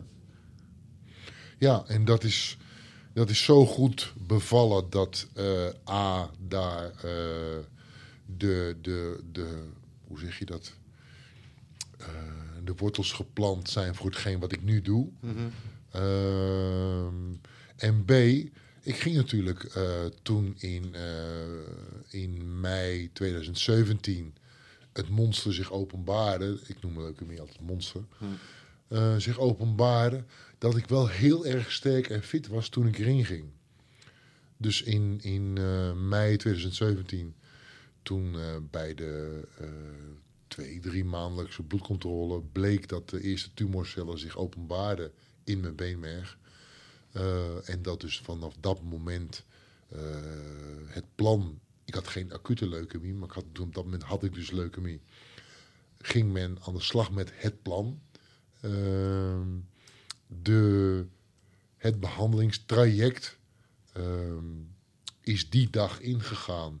En exact drie maanden later, op 24 augustus, eh, kreeg ik mijn eerste chemo. Dus toen begon eigenlijk eh, ja, die rollercoaster. Mhm. Maar waar ik wel heel goed op voorbereid was. En het voordeel, hoe, ja, voordeel klinkt ook zo raar. Ik begeleid nu een eh, ja, cliënt, vind ik ook zo'n woord. Een vriend, een, een, een, een, een jongen. Begeleid ik nu, die heeft acute leukemie. Dat houdt dus in, acuut, dat je je niet kan voorbereiden. Voor kan bereiden met die hypotheek, belasting. eh weet ik wat. Oh, zo. Ja, ja, ja, ja, ja. Wat extra stress geeft dat natuurlijk. kon ik wel allemaal doen. Ik Ja. heb alles, alles tot in de puntjes geregeld. Eh, Zeker van 24 mei tot 24 augustus. Om alles eh, te regelen, voor zover je dat kan. Ehm, dat dubbel doorloopt. Weet je wel? Ik bedoel, eh, ik heb natuurlijk in het AMC gezien dat er na een maand ziekbed wel eens een baas of een directeur van een bedrijf aan het ziekbed stond. En ik observeerde dat zo. Aan het ziekbed van een patiënt stond. En ja, natuurlijk vraag hoe gaat het, hoe gaat het, hoe gaat het. Maar eigenlijk vragen ze, wanneer kom je weer terug? Mhm. Ja, die vraag dat had ik natuurlijk niet. Weet je. Ik had geen directeur aan het bed van, eh hij schiet eens op. Weet je, dat zeggen ze natuurlijk niet. Maar hè, het is natuurlijk wel zo, ja, die ziektekosten, noem het allemaal op, dat gaat door. Moeten een vervanger regelen. Ga je dood en weet ik het allemaal. Ja, dat had ik allemaal. eh, eh, dat was een hele. eh, ja, prettig. Dat was wel fijn om het op die manier te ondergaan. Mm. Dat je kan voorbereiden. En dat was. eh, ja, voelde ik me goed bij. Ja, snap ik. De, dat, de kanker, de chemo. Jouw enigste zorg is. Is voldoende ook hoor, maar dat je niet die randzaak hebt, weet je wel. Dat was eh, in mijn geval eh, prettig. Ja. Wat was het idee in de voorbereiding om minder kracht te gaan doen en meer cardio? Zat daar een idee achter? Nee, dokter Frederik had me dat geleerd. Ehm, en ik heb, eh, eh, ik heb heel lang in stilte geleden. Maar ik geef natuurlijk heel veel trainingen. Kickbokstrainingen, eh bokstrainingen, noem maar op. Er zat in mijn les zat een meisje van 22. eh, die, ehm, die had kanker gehad. Overwonnen. Eh, die heb ik een keer gebeld. Ehm, net nadat ik wist dat ik leukemie zou gaan krijgen, heb ik haar gebeld. Eh was wel grappig. Want ik dorst het in de les niet te vragen. Maar ik wist dat ze nog op de sportschool was en ik was weggegaan. En eh, ik naar de sportschool bellen. Ik zei dat meisje, ik wist niet hoe ze heette. En eh, ik zeg ehm, tegen de meisje achter de bar, ik zeg, geef dat meisje aan de telefoon. Ze ziet er zo en zo uit. En dus ik kreeg gewoon een telefoon. Maar een hele mooie meid. Dat was een beetje trick. Nou, trickje niet, maar weet je. Dus ik belde erop. Ik zeg, ga je met Joop? Joop, ja. Oh, ja, ja, ja, ja. Ik zeg, ik heb je net les gegeven. Ik zeg, ik ben nergens op uit hoor. Maar ik zeg, eh, zou ik jou eens kunnen spreken? Eh, waarover? En eh, ik zeg, ja, ik zeg niet over uitgaan of daten of weet ik wat.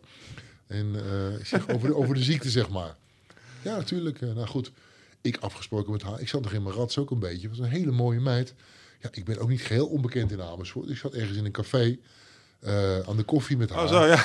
Ja, dus ik denk, ja, als, als, mevrouw, dit- als mevrouw dit hoort, weet je. En dus eh, Gelukkig voor de dagen van social media. ja, ja, nou ja, het is een paar jaar geleden maar. hè. Het was Oh, Oké, 2005. nee, dus er was wel iets als Facebook. 2005, ja, Ja, ja, dat was het wel. 2015 was het er wel.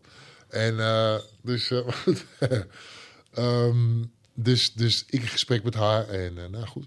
Toen heb ik haar advies gevraagd. Daar ben ik eeuwig dankbaar voor. En een van de dingen die zij mm, voor of na dokter Frederik zei, was zorg dat je in conditie bent. Nou, als er één ding is waar, wat je, waar je niet van in conditie komt, is krachttraining. Maar krachttraining is een setje biceps, een minuutje rusten. Zet je biceps, een setje rusten. Ik wist natuurlijk wel hoe je in conditie moest komen door het vechtsporten. En zo, weet je. wel. Alleen daar was ik zo lang uit. En door de ziekte was ik zo moe al. Ja, ik had geen conditie meer. Dus, want ik, daar zat ik al vier jaar in, hè. eh, in dat... eh, eh, nee, vier... Zat ik al een paar jaar in, laat ik het zo zeggen. Dat moe zijn, niet kunnen trainen, slapen na een uurtje lesgeven. Dus ik was heel erg moe. Ik had geen conditie. En zij adviseerde me op een paar praktische zaken. Eén daarvan is, zorg dat je in conditie bent. En heb ik zeggen, toen Frederik, dokter Frederik dat ook zei, zorg dat je in conditie bent. Precies hetzelfde vingertje. Ja, dat was voor mij eigenlijk genoeg van, ik ga zorgen dat ik, dat ik in conditie ben. Mhm. Dat is een van de lessen die ik eigenlijk nu nog steeds hanteer. Aan mensen eh, met wie ik erover praat, of die ik adviseer, of die ik echt in de praktijk heb. Dat is eh, wel een van de eerste dingen die ik als eh, cruciale raad geef. Waarom helpt het in het proces dat volgt? Dus als jij chemo gaat doen, waarom is het dan heel fijn als je conditie hebt? Je bent gewoon sterker ehm, tegen de slopende werking. Je houdt het langer vol. Oké, De slopende werking. En in sommige gevallen, in mijn geval bijvoorbeeld, ze moesten mij zo'n zware dosis chemo geven. Als ik ouder of verzwakter was of minder in conditie was, hadden ze die dosis niet kunnen geven. Dus hadden ze dan wel de rottigheid weg kunnen krijgen. Juist, Dus daarom moet je sterk en in conditie zijn. ja, duidelijk. Eh, we- we- je had het net over eh, de slopende werking eh, van de chemokuur. Ehm daarnet maakten we al even wat eh, kwinkslagen naar de bodybuilding scene. Misschien een hele directe vraag, maar in hoeverre was wat jou overkomen is in termen van je ziekte? Had dat te maken met het supplementatieregime? Dat je in die periode misschien wel of niet... Ja, heb ik heel erg. met andere woorden, steroïden, waren die de oorzaak, ja, of nee? Ja, dat is eigenlijk wat ik vraag. Ja. Nee. Nee, dat zal eh, waarschijnlijk elke eh, zieke, eh schuine streep kanker, oh, zieke, zieke of schuine streep kankerpatiënt zeggen. Nee, ik ben er expliciet naar op zoek gegaan. Want je weet natuurlijk dat er bijvoorbeeld op fora bijvoorbeeld gesuggereerd zou kunnen worden dat zal wel van die anabolen komen. Ja hoor. Is aan één kant niet heel gek. eh, dat men dat suggereert, alleen maar men is daar soms wel wat dom of hard in en zo, weet je. Hmm. Maar ik, goed, ik wilde het gewoon weten voor mezelf. Ehm, dus ik heb met de alle artsen die ik eh, eh, ken in het AMC daar heel openlijk over gesproken. Ze wisten mijn geschiedenis ook. Eh, dat vond ik A nodig. Want ik ken mensen die dat gewoon verzwijgen. Ook Ja. in het ziekenhuis. Ja, dat hoeft u niet te weten hoor. Dat is het domste wat je kan doen. Kunnen ze diagnose Ja, toch niet eh, stellen? hè? Die, kan die kunnen ze de Nee. diagnose niet stellen. Nee. Stel je hebt bijvoorbeeld een levercirrose en zo, weet je. Dat is natuurlijk alweer een stukje dichterbij. Want daar heeft anabolen hebben natuurlijk een heel erge werking op. Anabolen, de, de, het gif zeg maar ervan, dat moet de lever, die ruimt dat op. Ja. Dus die lever vergiftigd is door drank, door anabolen of weet ik wat nog meer. Dan kan die lever zijn werk niet doen. Als die arts dat dan niet weet, jouw geschiedenis van de anabolen, ja, dan wordt een lastig verhaal. Mhm. Dus ik ben daar sowieso niet zo moeilijk in. Ik bedoel, ik vertel het hier nu ook voor de, voor de, eh, voor, voor de, voor de microfoon. Het interesseert mij niet. Ik ben daar eerlijk en open in. Wat men vindt, ja, dat, is, dat ben ik, dat is Joop klaar. Ja. En eh, ik heb daar gesprekken over gehad met de arts en eh, artsen. En die hebben al met de, allemaal met de hand op het hart bezworen dat het daar niet door komt. Ehm, eh, zeker mijn, mijn vorm van leukemie niet. Zeker die, zeker die niet. Oké. Het is echt een, ontspo- een ontsporing, zeg maar, van eh, je rode bloedcellen. Oké. Kun- Kunnen we het nog heel even kort hebben over jouw uh, steroïdegebruik? Omdat een van de misvattingen die ik daarin zie, dat zie je in de UFC ook heel erg. Hè, daar, daar wordt gezegd, ja, ehm, het is een soort van vals spelen. Ehm, maar tegelijkertijd, eh, het is niet alsof het een cheatcode is. Omdat wat je mensen zo, ah, dan neem je steroïden of anabolen of TRT en ineens word je super veel sterker. Terwijl het enige wat het echt doet, is zorgen dat je sneller herstelt in de periodes tussen je trainingen. Dus je, je traint nog steeds als een idioot. Uh, harder misschien wel omdat je die steroïden kunt nemen. Of neemt, kun je misschien nog wel harder inzetten. Maar het wil niet per definitie zeggen dat je minder hard werkt. Sterker nog, uh, misschien train je wel meer. Dat denk, ik, dat denk ik zeker, ben ik van overtuigd. Ik denk dat je in sommige dingen even terug moet gaan. Dat kan niet meer natuurlijk. Uh, en de confrontatie, uh, die kunnen we ook niet ondergaan. Omdat, stel je nou eens voor, dat um, de 100 meter sprint, het wereldrecord is 9,58 momenteel. Dat men weer... Uh, 10, 10 seconden, 10,2 gaat lopen. Dat betekent dat de sport gedevalueerd is tot misschien wel niets. Uh, dat is één. Dus dat, die verwennerij, daar moeten we denk ik op een gegeven moment een beetje vanaf. Dat, uh, nee, dat we verwend zijn, dat we accepteren dat die jongens dat waarschijnlijk allemaal, gelukkig is Usain Bolt nooit gepakt, maar dat, we, dat ze waarschijnlijk allemaal wel wat doen. Want het alternatief zou zijn, stel je nou eens voor dat mensen wel eens zeg, zeggen, het moet eruit, weg ermee, we doen het op een bal gehakt, bla bla bla. Uh, dat betekent dat er gewoon niet meer onder de 10 seconden gelopen moet worden. Willen we dat wel? Mm. Willen we dat eigenlijk wel? Dat is één. twee, anabolen. Ehm, de misvatting daaromheen, met vechtsport althans, is dat je inderdaad je gaat daar niet harder van slaan. Uh, het is jammer, uh, daar wil ik wel een keertje aan refereren, dat uh, professor Harm Kuipers, oud wereldkampioen schaatsen, die heeft ooit gerefereerd, gezegd, laat ik het zo zeggen, um, um, een, een, kleine ondersteuning. Dr. Kuiper is werkzaam in, het in een ziekenhuis in Maastricht. Die heeft ooit gezegd: een kleine ondersteuning is zo slecht nog niet, want twee keer per dag hard trainen brengt waarschijnlijk meer schade aan dan dat je aan supplementering doet. Ja. Uh, dan heb ik het niet over anabolen misbruik, maar wel aan anabolen gebruik. Het gebruik van anabolen, want men vergeet wel eens dat anabolen zijn niet voor wielrenners gemaakt. Die zijn niet voor bodybuilders gemaakt. Anabolen zijn jaren 50, 40, 50 gemaakt voor mijn oma en jouw oma, als ze van de trap afviel bijvoorbeeld, en die oma is 78, dan heelt dat bot niet meer. Daarom zijn stoffen als Primobolan ontwikkeld. Uh, in aidsklinieken gebruikt men oxymetallone. In brandwondencentrum gebruikt men ook oxandrolone. Oxandrolone maakt nieuwe huidtissue aan. Aidspatiënten krijgen om gewichtsverlies tegen te gaan, krijgen ze hele bekende steroïden. Dus de steroïden zijn gemaakt voor de zieke mens. Hè? Mhm. Kijk, dat uh, illegale laboratoria daar nu varianten op maken. Voor de bodybuilder, voor de, voor de wielrenner en voor de, uh, ja, ook de schaker. Laten we dat niet vergeten. Uh, dat um, die spullen dus gemaakt zijn, niet voor de bodybuilder. Um, terugkomend op de vechtsporten. Het vals spelen, uh, wat men dan ook vrij snel zegt. Ik snap dat trouwens wel hoor, waarom men dat zegt, het vals spelen. Want je doet iets wat uh, de ander misschien niet doet. Je hebt een voordeel. Hè? Als je het Je- wel doet, heb je een voordeel. Ja, je hebt, je hebt, je hebt een voordeel, 100%. Ja. Ehm, alleen, als, alleen daarom al, als ik bijvoorbeeld door anabolen gebruik, door bijvoorbeeld het aanvullen van mijn testosteron, daar geloof ik heilig in, eh, dat ik daardoor vijf, zes, zeven jaar langer kan vechten, eh, geld verdienen, ehm, dan zou dat alleen al een reden zijn eh, om, ehm, om, eh, om dat te doen. Dan heb ik niet eens over bijvoorbeeld eh, in combinatie met bijvoorbeeld, eh, ehm, eh, hoe zeg je het ook weer, eh, eh, erectiemiddelen. Dat mannen die soms op hun, hun 45ste, 50ste geen seks meer kunnen hebben. En met een hele simpele ingreep, met een beetje gel op je onderarm of één prik in de drie weken, eh, daardoor nog 20, 25 jaar een fantastisch seksleven kunnen hebben. Ja, dan lijkt mij die keus eh, lijkt mij niet zo moeilijk. Eh, Pim, hoe heet die man nou?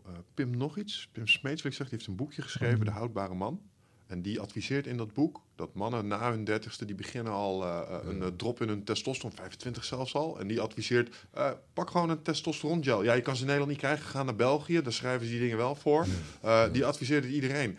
Ik, ik van, ja, ik weet niet, want m- mijn stigma is, oh, als ik met testosterongelletjes in de weer ga, dan zet ik misschien wel dingen aan of uit die op, niet meer op zichzelf kunnen staan. Hè? Ja. Dat zeggen ze dan.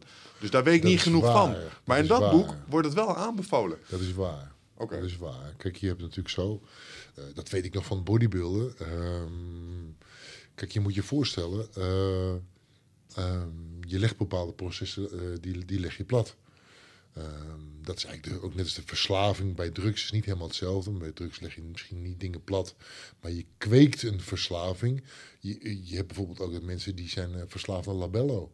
Eh, Labello, Ja, weet je lipgloss. Je creëert, je cre- dan ga, ik geef eigenlijk niet het goede voorbeeld, maar met labello creëer je die, die eh, behoefte van die droge lippen. Ik zeg het eigenlijk verkeerd. Met testosteron leg je je eigen, eh, je, je, je hypofyse en je testikels, die zijn verantwoordelijk voor de aanmaak van testosteron. je hypofyse, daar bedoel ik mee, die hypofyse geeft het zijn van jongens, eh, maken, produceren, ze zijn leeg. En, eh, en de testikels, de ballen, die, eh, die doen dat klusje.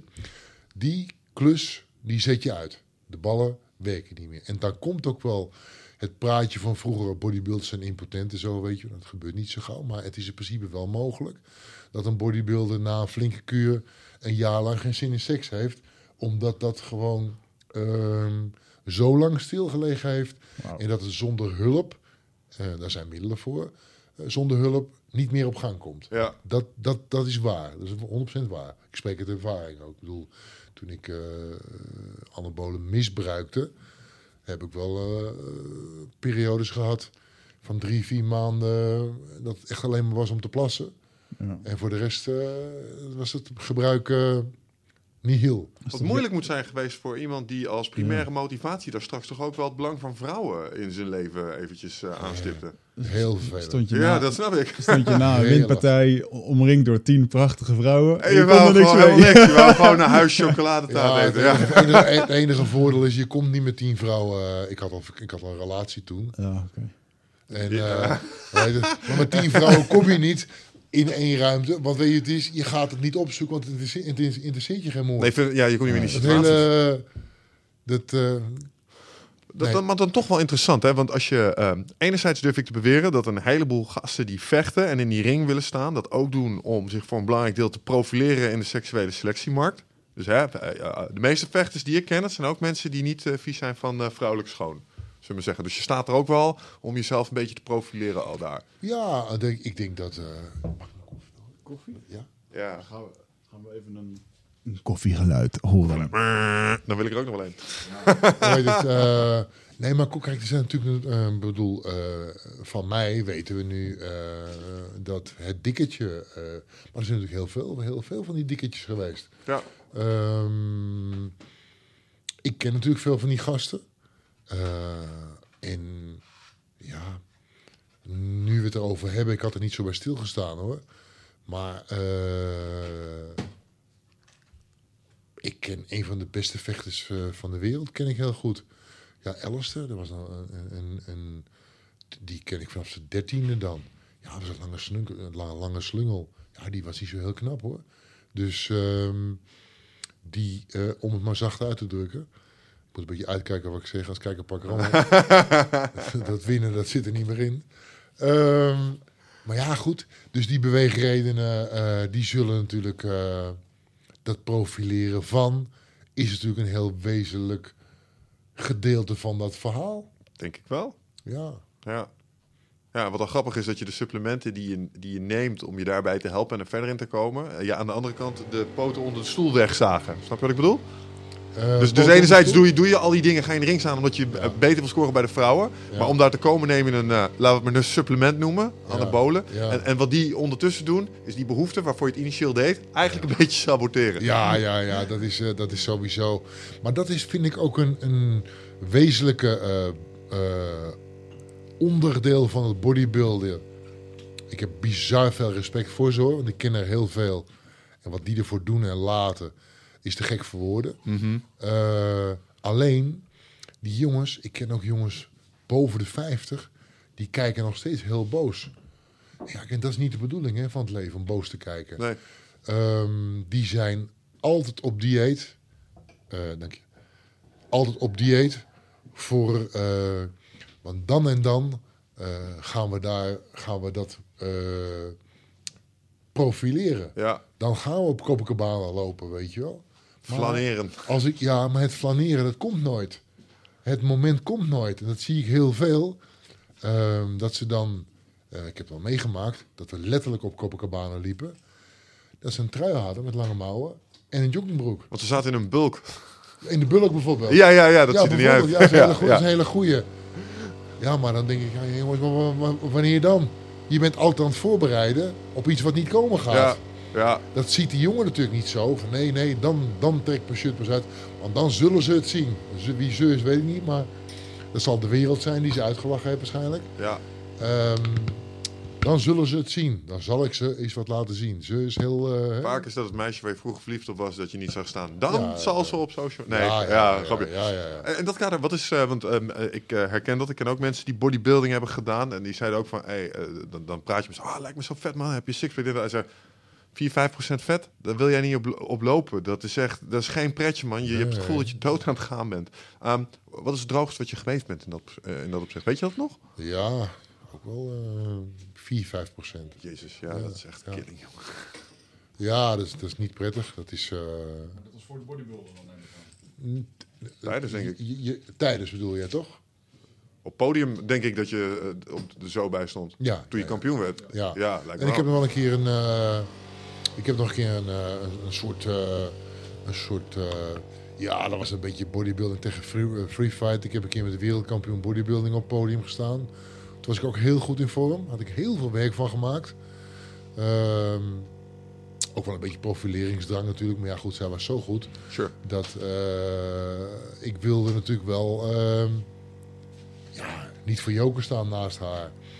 En, eh, en ik heb ook voor een fotosessie heb ik ook wel een heel laag percentage bereikt. Die fotosessie was zo belangrijk toen. Ehm, ik gebruik die foto's ook nog steeds. Ehm, dat vond ik ook wel een, een eh, dat zou ik voor de ac- acteerklus bijvoorbeeld ook wel kunnen. Eh, in bizarre vorm komen. Dat heb ik er wel voor over, ja. Ja, Ja, ja, ja is het toch eh, spittig. ja. want, want je voelt je, je, je denkt, oh, dan heb ik straks een echt helemaal te gek beach body. Maar je voelt je helemaal niet relaxed. het is helemaal is niet leuk om daar... eh, is, is niet leuk, want ja, je, je zit ook met je, met je, met je, met je vocht. En, en, en nou, het, is, het is een. eh, Wat vond je daar in de fijnste periodes van, van, het hele, van je hele vechtcarrière? Wat vond je de, wat vond je de fijnste periodes erin? Was dat na de wedstrijd, waarin je even kon rusten, de trainingskampen, de, de wedstrijd zelf? Dat is heel lastig. Ehm, ik vond alles leuk. Omdat ehm, ik heb me heel lang nieuweling gevoeld. Ehm, ik werd me maar langzaam bewust van. eh, dat, dat correspondeerde niet helemaal. Groot op de poster op een gegeven moment. Wel tien keer of zo. De man dus. En eh, dat, zo gedroeg ik me niet. Ik ben ook geen ik ben ook geen, eh, wel ijdeltijd, maar geen, eh, hoe zeg je dat? Eh, dat ik bijvoorbeeld een fan geen handtekening geef of zo. Nee, niet arrogant. Dat weet jij waarschijnlijk wel van de mixfight. tijd. Zeker, ja hoor. Eh, dat heb ik nooit gedaan. Ik, ben, ik zit niet zo in elkaar. Een bepaalde nederigheid kan ik ook nog steeds wel aan de dag leggen. Zeker eh, als ik les krijg. Ik krijg nu bijvoorbeeld boxles momenteel. heb ik nog steeds, weet je wel, ik- die jongen heeft niet half de titels die ik heb. En, eh, maar als ik les krijg, eh, ja, dan moet ik hem bijna, soms moet ik hem bijna overhalen van, eh, man, jij bent de baas, hè, weet je. Oh, Ja, ja, ja. Oh, ja. Oh, ja. Sorry Joop, sorry. Oké, kom op nou dan. Ja. Ja. Kom op. Nee, dat is waar. Je bent voor een vechtsporter zeker iemand die, eh, die gewoon, ben, je, ben je behoorlijk benaderbaar. Ja. Hoewel, ik, zit, ik probeer nu even hardop na te denken. Dan ken ik Nederlandse vechters die onder de streep, als je ze uiteindelijk een beetje kent, niet benaderbaar. Maar ja, het helpt Ja, natuurlijk niet dat ze vaak zulke kleerkasten zijn en een beetje nors kijken. Dus eh, Maar daar ben jij wel een beetje bevoordeeld in. Dat je natuurlijk met het, met het forum eh, ja. eigenlijk zo in die, jullie allebei eigenlijk zo in die vechtscene zaten. ehm, dat je jezelf niet eh, objectief kan noemen, denk ik. Nee. Daar zaten jullie, je trainde met die gasten, je Ja. knokt zelf. Maar we wilden daar ook tussen hangen. Ik bedoel, Je zegt, eh, eh, ja, omoplata, ja, dat is niet, eh, dat kennen de meeste mensen niet. Dat is Omoplata, omo is wasmiddel en... eh, Platen, dat doe je toch vroeger. Dat was vroeger in plaats van cd's, ja. Dus, dus ja, dat is. Dat, is, hè, Ja, oké, eh, dat maakt het eh, dat jij, eh, jij jullie dat ehm, niet zo vreemd vinden. Maar goed, ehm, ja, ik weet eigenlijk niet meer precies waar we heen gingen. Eh, in ieder geval. ehm, De mooiste momenten. ja, de mooiste momenten, ja, klopt. Eh, ik vond alles mooi. Weet je wat ik, wat ik mooi vond? Dat ehm, als ik aan de deur kwam, toen ik nog niet vocht, kwam ik aan de deur bij de IT. En dan eh, kende ik Dick Vrij al. En, eh, en dan mocht ik doorlopen. Ja. Eh, van eh, Joop, loop maar door. Je hoeft, je ja. hoeft niet in de rij te staan. En dan zag je bijvoorbeeld, eh, weet ik veel, een beroemde artiest. Ik weet even geen naam. Binnenlands en, of buitenlands. Ja. hè. Eh, weet ik veel. Ik weet, ik kan niet op een naam komen. En dan mocht ik ook doorlopen. en Zo, dat vond ik stoer. En dan kwam je binnen en eh, is Dick er niet? Eh, nee, die is vechten in Japan. Nou, als ze dat zeiden, dat moest ook over mij gezegd worden. Ja. Is Joop er niet? Nee, die is in Japan. Die vecht voor de, dat, die en die titel en dit en die. Dat vond ik zo mooi. Dat wilde ik ook. En het hele proces daar naartoe. Het trainen. Want ik reed soms twee keer per dag naar Amsterdam. Daar had ik echt maling aan. Ik heb veel twee keer per dag naar Amsterdam gereden. Eh, nou, Martijn de Jong eh, in, in eh, Deventer, uur Dat rijden. is ook een wereldreis, ja. Ja, maakte, maakte echt niks uit. Hè? Zondagmiddag, de Pijtstraat. Ja, en ehm, dat vond ik zo'n eh, bizar mooi proces. Ik was zo gelukkig in die tijd. Ik ben nu ook gelukkig, op een andere manier. Misschien nu het vruchten plukken van, dat weet ik niet. Maar toen daarin zitten, het topsporter zijn... en het antwoord op een vraag... Joop, wanneer moet je weer? Eh, 17 februari. Ja, ja, ja, dat ken ik wel. Dat was het kleine dikketje die geslaagd was. ja. Ja, joh. Ja. Was het ook niet in die periode iets, want als ik terugdenk aan die tijd, wat ik met name vet vond, is dat ik iets heel, ehm, bijvoorbeeld als je jiu-jitsu of MMA, als je het begint te leren, elke training weer merk je je vooruitgang. Dus als je regelmatig traint en het ging slecht, en eh, ik weet niet hoe jij dat eh, eh, aan jezelf dan afmeten, maar ik weet nog zeker bij Martijn de Jong, je had een soort rangorde en dan wist ik, ah, als ik het ongeveer zo lang tegen Raffles uit kan houden, of Ja. ik weet het de volle minuut te redden en ik moet niet afkloppen, oh, dan heb ik voortgang geboekt ten opzichte van de. Ja. En als dat dan lukte, oh, dan zat ik met zo'n smaal terug in de auto, weet je wel. Dus als ik daarop terugkijk, was het, ik was beter aan het worden. Niet. Ik was aan het grinden om ergens mezelf in te bekwamen. Hmm. En daar zag ik voortgang in. En dat zorgde ervoor dat ik het toch die drie keer per week naar de gym wel wilde afleggen. Want daar vond ik super verslavend aan. Dus, eh, herken je dat? Nee, Nee, want dat was elke week eh ik was, ellende. ik, ik was geen talent. Ik heb eh, anderhalf... Ik heb, eh er komt, nu je dat zegt, iets in me op. Ik heb anderhalf jaar nadat ik thuis kwam in december eh 2017... heb ik anderhalf jaar lang... heb ik me wel zo gevoeld. Ik was wel ziek. Alleen elke dag iets minder ziek. Ah. elke dag kreeg ik een grammetje spier, spierballen er weer bij. Ja, ja, ja. Ik was 20 kilo afgevallen. afgevallen. Ik ben één, anderhalf jaar lang vooruit gegaan. Dus elke dag iets meer blij. Elke dag Daar heb ik een vraag is over. weer trouwens. iets beter. Want je was 20 kilo kwijt en dan keek je in de spiegel en voelde je dan wel Joop? Want ik kan me voorstellen als jij aan jezelf denkt, denk je, als dus iedereen denkt aan Joop, namelijk een flinke vent, is een grote kerel. Ehm, en dan zie je ineens jezelf en dan ben je nog een kwart van wat je was. Was hoe was dat? om dat te zien? Verdrietig.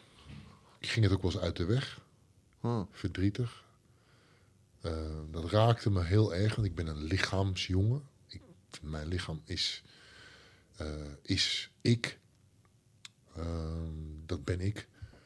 Eh, dat is mijn ja, tempel. Klinkt ook een beetje zweverig, maar dat is het wel. Ja. Lichaam is heel belangrijk.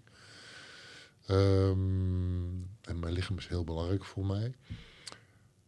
Ik vond het heel confronterend. Alleen gelukkig, net als toen ik terugreed uit AMC, van de arts zei: je gaat leukemie krijgen, dat ik daar een modus in heb van: oké, dan gaan we dat eraan doen. Dat had ik ook toen ik voor de spiegel stond ehm, in het AMC en ook thuis wel, dat ik echt dun was, dunne Ja, armpjes. ja. Ik heb daar een foto van, zal ik je zo laten zien. Dunne armpjes, dunne schouders. En ik heb niet of zelden gedacht, zo van dat krijg ik nooit meer goed. Want het was een ravage. Het was echt een ravage, mijn, mijn, mijn lichaam. Want het is niet alleen afgevallen, het is ook ja, een soort drap lijkt het wel. Je benen lijken wel drap. Ik had flinke benen. En als je dat dan, dat kon je zo vastpakken als een soort pudding. En een soort cellulitis pudding. Dat was wel heel... eh, eh, en waar ik, heel, waar ik wel paniek over had... was dat mijn gezicht helemaal verrimpeld was. Bij mijn, mijn ringbaardje, zeg maar. Nu zie je het niet zo, maar... ehm, dat ik wel daar heel erg mee zat. Want ik had toen helemaal geen baard. Baard... eh, ik, ik, had ik was altijd glad geschoren, zeg maar. Eh, dus dit is toeval hoor, dat ik nu geen, eh, dat ik nu haar op mijn gezicht heb. Ehm, Je hebt je gewoon niet geschoren voor deze podcast. joh. Ja, Nee, nee, nee, nee, nee, nee, nee, nee. Michel, geef jij me een bitch slap of doe ik het? waar. Ring, ringsregels. Eh, Ik heb gezien wat voor backhands hij kan uitdelen met eh Ja. Dus eh, En eh, nee, maar eh, dat vond ik zo'n ramp. De rimpels in mijn gezicht, ja, dan was ik niet meer knap. En eh, eh, ja, knap, knap, weet je wel. Eh, minder knap. je hebt zo'n mond. Je kent wel, dat kennen we allemaal, denk ik wel. Als je met nieuwjaar, toen je 6, 7 jaar was, dan had je een tante op bezoek. Met zo'n mummelbek. Ja. Zo'n bek wat die van een Een vrouw die de ge- gebit niet in had. Ik zal een eh, opmerking over orale seks maar niet maken. Maar een vrouw met een ver, verschrompeld mondje. En die jou dan drie kussen wilde geven. Ja, ja. En een derde op je mond. Ja. Een zes, zevenjarige jongen. Trouwens, nu wil ik dat nog steeds. Dat wilde je niet. Zo'n mond had ik ook. Ja. En ik was er, ja, dat is ook niet zo gek gedacht. Dat wilde, dat wilde ik niet, zo'n mond. Ik denk, ik wil niet een mond hebben dat iemand denkt van, hu, dat wil ik niet. Die wil ik geen drie kussen geven met nieuwjaar. Hmm, ja. En dat is gelukkig wel weggegaan. Maar ik heb wel gedacht dat dat niet meer weg zou, weg zou gaan. Dat ik letterlijk tegen mijn vrouw zei, ik ga een baard laten staan. Maar dat kan niet. Ja. Zo'n zo'n lelijke mond. Zo'n... Ugh. Hoe heeft dit je laten kijken, het feit dat je dit hebt doorgemaakt naar, ehm, je bent nu 54, Vijf, vijf. 55, als je geen dag ouder uit als 54. Ehm, eh, maar er gaat een moment komen, en dat is ook een moment, eh, eh, als ik jou zo beluister en denk, oh ja, jij, jij hebt dat gewoon al in de ogen gekregen, maar het is ook een moment dat ik vrees. Dat ik op een gegeven moment merk dat, hey, eh, en ik hoop dat het nog jaren duurt en ook voor jou, eh, hè, achter in de 80 misschien, maar, maar je hebt het nu al even kunnen ervaren hoe dat is, hoe dat straks aan het eind Ja. zal zijn. Ja. En dat is iets wat ik heel erg vrees. Maar misschien heb jij nu, nu je het hebt meegemaakt, wel een ander perspectief op. Dus is het alleen maar erger geworden. Nee, helemaal niet. Ik ben helemaal niet bang. Niet, oké. Helemaal niet bang. ik hoop en ik bid letterlijk dat ik wel eh, nu nog 25 jaar heb. Ja? Dat hoop en bid ik wel. Eh, want waar het komt, omdat ik verliefd op het leven ben. Ik hou heel erg van het leven. Want alles wat ik doe is leuk. Als ik straks naar huis rijd, misschien ga ik wat in het AMC, dan hebben ze een Starbucks. Ga ik koffie drinken. Ik loop naar de arts toe, weet je wel. Of ik ga naar Frederik. Alles wat ik doe is leuk.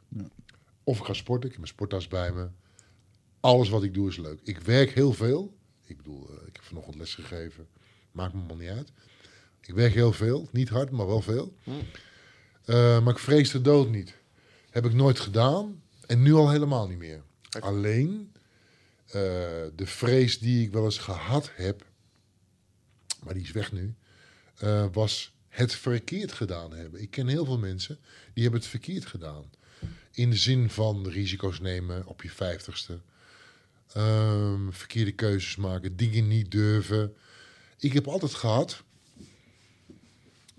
eh, en mijn vrienden eigenlijk ook wel. Kijk, wij zagen, ik zal een voorbeeld geven. Wij zagen, toen we 15, 16, 17 jaar waren, zagen we de Pin-Up Club. Zagen we een beetje seksueel getint Herinner ik me nog. programma. Eh, met, eh, ik denk dat Nederland nu op zijn achterste benen zou staan. Want dat was heel erg vooruitstrevend toen. Eh, had je de Pin-Up Club. Met naakte vrouwen. Ja, wij zaten voor de buis. En, eh, en zag je ook Rio de Janeiro. Carnaval in Rio. Nou, die beelden kennen we allemaal wel. Ja. ja. Daar gaan wij naartoe, zijn mijn beste vriend en ik. Maar als wij dat zeggen, dan betekent dat ook dat we dus naar Rio gaan. Hè? Dat kan even duren. Dat doen wij. We hadden ook jongens om ons heen die zeiden van ja, dat zou ik ook wel willen. Maar dat kan niet hiervoor, dat kan niet daarvoor, dat kan niet zus, dat kan niet zo. Die staan, die staan op de nee-stand, zeg ik altijd. Ja, maar waarom niet dan? Ja, het vrouwtje wil dat niet. Ik zeg, maar ik vraag toch niet aan het vrouwtje of die dat wil. Je hoeft geen scheid, je hoeft geen scheid in je vrouw te hebben. Maar als je drie weken verkering hebt, dat ga je, dan moet je vrouw niet zeggen van... eh, Dat mag niet, ja, maar waarom dan niet? Ja, eh, dat weet ik niet, maar het mag niet. Ja. Eh, Dat gaat niet. Dus wij, ja, wij gingen naar Rio. En wij gingen ook naar Rio, naar carnaval in Rio. Dat deden wij ook gewoon. En ehm, eh, wij wilden op een gegeven moment een sportschool beginnen. Ja, dan doen we het gewoon. Hmm. Maar dan natuurlijk wel een, een klimaat gecreëerd dat we geld konden lenen om een sportschool te beginnen. Weet je wel. Maar als wij dat wilden, wij wilden naar Thailand, wij wilden naar Ibiza, wij wilden.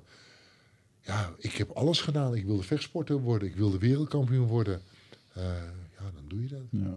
En dat klinkt een beetje arrogant, maar zo bedoel ik het niet.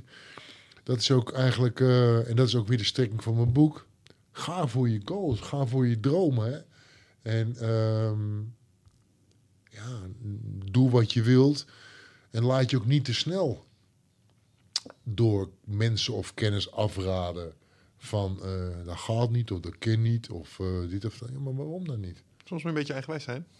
Hm? Soms moet je een beetje eigenwijs Ja, zijn. vind ik wel. Ja. Vind ik wel. Want het gaat niet of dat gaat. Is zo'n populaire uitspraak. Ik walg alleen al van die woordstrekking. Dat gaat niet lukken. En zo, ja, ik, ik- dat vind ik raar. Zullen we nog wel zien? Waarom? Ja, precies. Zullen we nog wel eens zien. Ik vind dat raar. Ja. Mag ik even het onderwerp eh, switchen naar iets... eh, ja, het is misschien wel een moe- moeilijk onderwerp voor je. Ehm, maar dat gaat over jouw vriend Hans Nijman. Ja.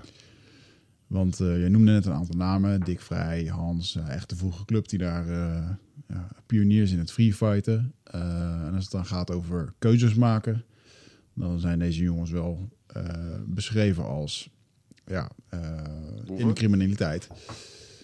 Eh, regelmatig in de krant. En ehm, voor- ja, jij bent eigenlijk nooit in die krant verschenen onder die namen. Dus ik durf wel met een.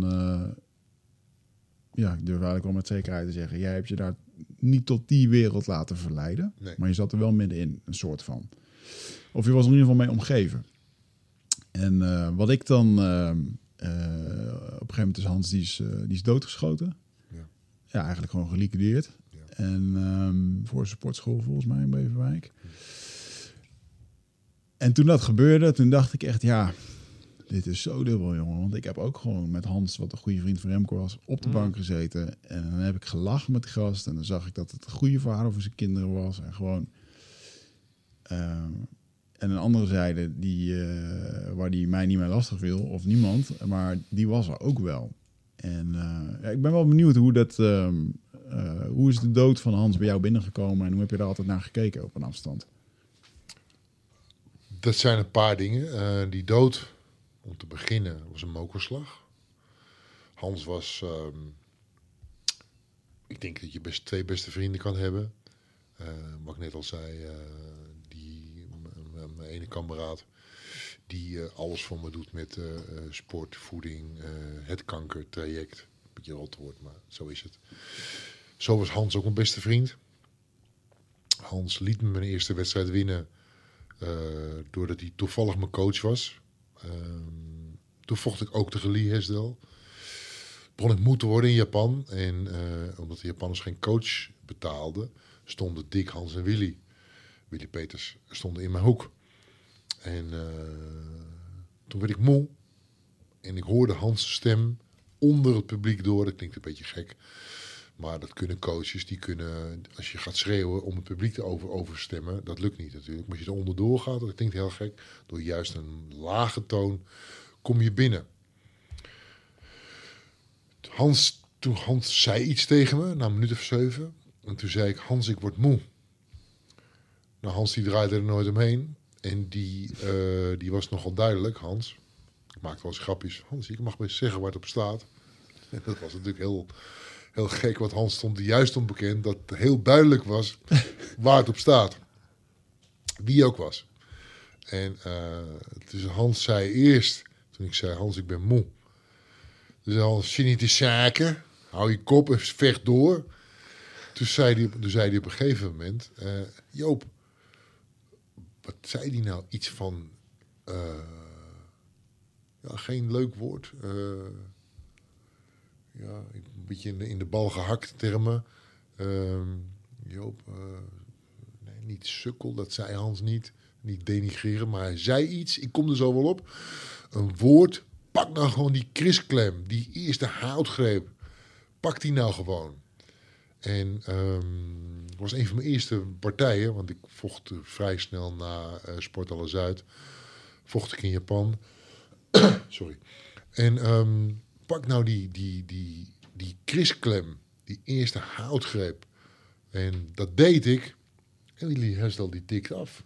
Ja, vanaf dat moment was Hans natuurlijk helemaal hij was al. Uh, ik keek heel erg tegen Hans op. Tegen Dick ook hoor. Maar de, Hans leek nog wel daarboven te staan. Uh, Hans was ook vijf jaar ouder dan ons. En iedereen had een heel erg groot respect voor Hans. En dus vanaf dat moment hoorde ik ook bij die club. Want Hans liet mij winnen. Jo, pak die houtgreep en jullie herstel tikt af. Hey, dat is lekker. Dikke, dikke envelop met dollars. En um, je debuut in Japan gemaakt. Niet helemaal, maar eigenlijk meer je, je pas naar de volgende wedstrijd. Want Japan was natuurlijk heel erg. Heb je UFC nu nog. Als je drie verliest, dan gooi je ze eruit. Ja. Drie, vier. En um, dat was toen eigenlijk ook zo. Dus ik had met, met ticket naar de volgende wedstrijd verdiend. Dus ja, ik had, eh, op dat moment had ik een, een, een man die ik enorm respecteerde. Uh, was in één keer ook mijn trainer en mijn coach geworden. En dat eigenlijk ging eigenlijk naadloos over in vriendschap. Hmm. Dus uh, Hans is altijd mijn coach en mijn vriend gebleven. Uh, dat ging eigenlijk naar hele grote hoogte. Um, twee dingen. Um, dat, dat ene ga ik eerst zeggen. Ik ga niet advocaat uithangen vermeend dit, vermeend dat. Ik kan met de hand op mijn hart beweren, wel, daarom zeg ik vermeend, dat ik nooit iets gemerkt heb van wat voor antecedenten ook die Hans uh, had. Ik zag hem natuurlijk ook buiten de trainingsuren, zag ik hem, uh, zag ik hem niet zoveel. Daar is uh, Beverwijk gewoon te ver voor rijden. We woonden uren uit elkaar, alleen we deden wel koffie samen. En wat we heel veel deden, was reizen en trainingskampen samen. Dus, met de hand op mijn hart kan ik zeggen dat ik, is een beetje dubbel, um, dat ik van die antecedenten nooit iets gemerkt heb. Als hij die, die had. Daarom zeg ik vermeend, want ik weet het niet. Ik, uh, ik weet daar niks van. Ik weet eigenlijk niks meer dan, dan jullie, dan andere mensen. Wat je in de panorama gelezen hebt of in de wandelgangen gehoord hebt. Dus het was Um, best wel een donderslag bij heldere hemel. Die avond uh, dat Hans uh, vermoord is. Nou, ja. Had jij dan nooit zoiets van... Uh, want je hebt dan heel veel gereisd. Ik kan me voorstellen dat je wel een keer de vraag hebt gesteld van... Joh, ben je niet bang dat jou een keer wat overkomt? Nee, want ik wist het niet. Hm. Ik wist niet dat hij iets deed. Het gekke was... Ook weer twee dingetjes. Het gekke was Hans gaf ontzettend veel personal training. Vier, vijf, zes lessen op een dag. Hoe hij het volhield, weet ik niet. Dus zeker later, ook na zijn dood, heb ik was gedacht, ja, wanneer heeft hij dat dan gedaan? Die, die, dan kan je altijd antecedenten onderhouden, contacten onderhouden. Dat gaat heel snel. Dat snap ik ook wel. Maar Dan kan je ook nog afvragen, dat komt er nog eens bij als je zoveel personal training geeft, waarom, waarom ben je dan crimineel? Als je crimineel bent, dan, nou ja, goed, dat zal, we weten allemaal wel wat, wat, wat voor op moeten denken, waar, waarom je geliquideerd wordt. Dat is niet helemaal gestolen fiets.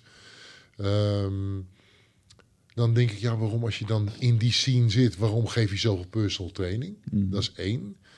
En twee, eh, Hans, die, ehm, Hans was gul, maar Hans ging wel netjes met zijn geld om. Die zei bijvoorbeeld, als we vlogen naar Thailand, Brazilië of naar Rusland of weet ik wat, als we daar gingen trainen, dat deden we heel veel. Ehm, dan zei Hans wel, lange, kijk je eventjes naar goedkope tickets. En eh, hoe heet het? eh, dan vlogen we bijvoorbeeld op eh, nieuwjaarsdag bijvoorbeeld.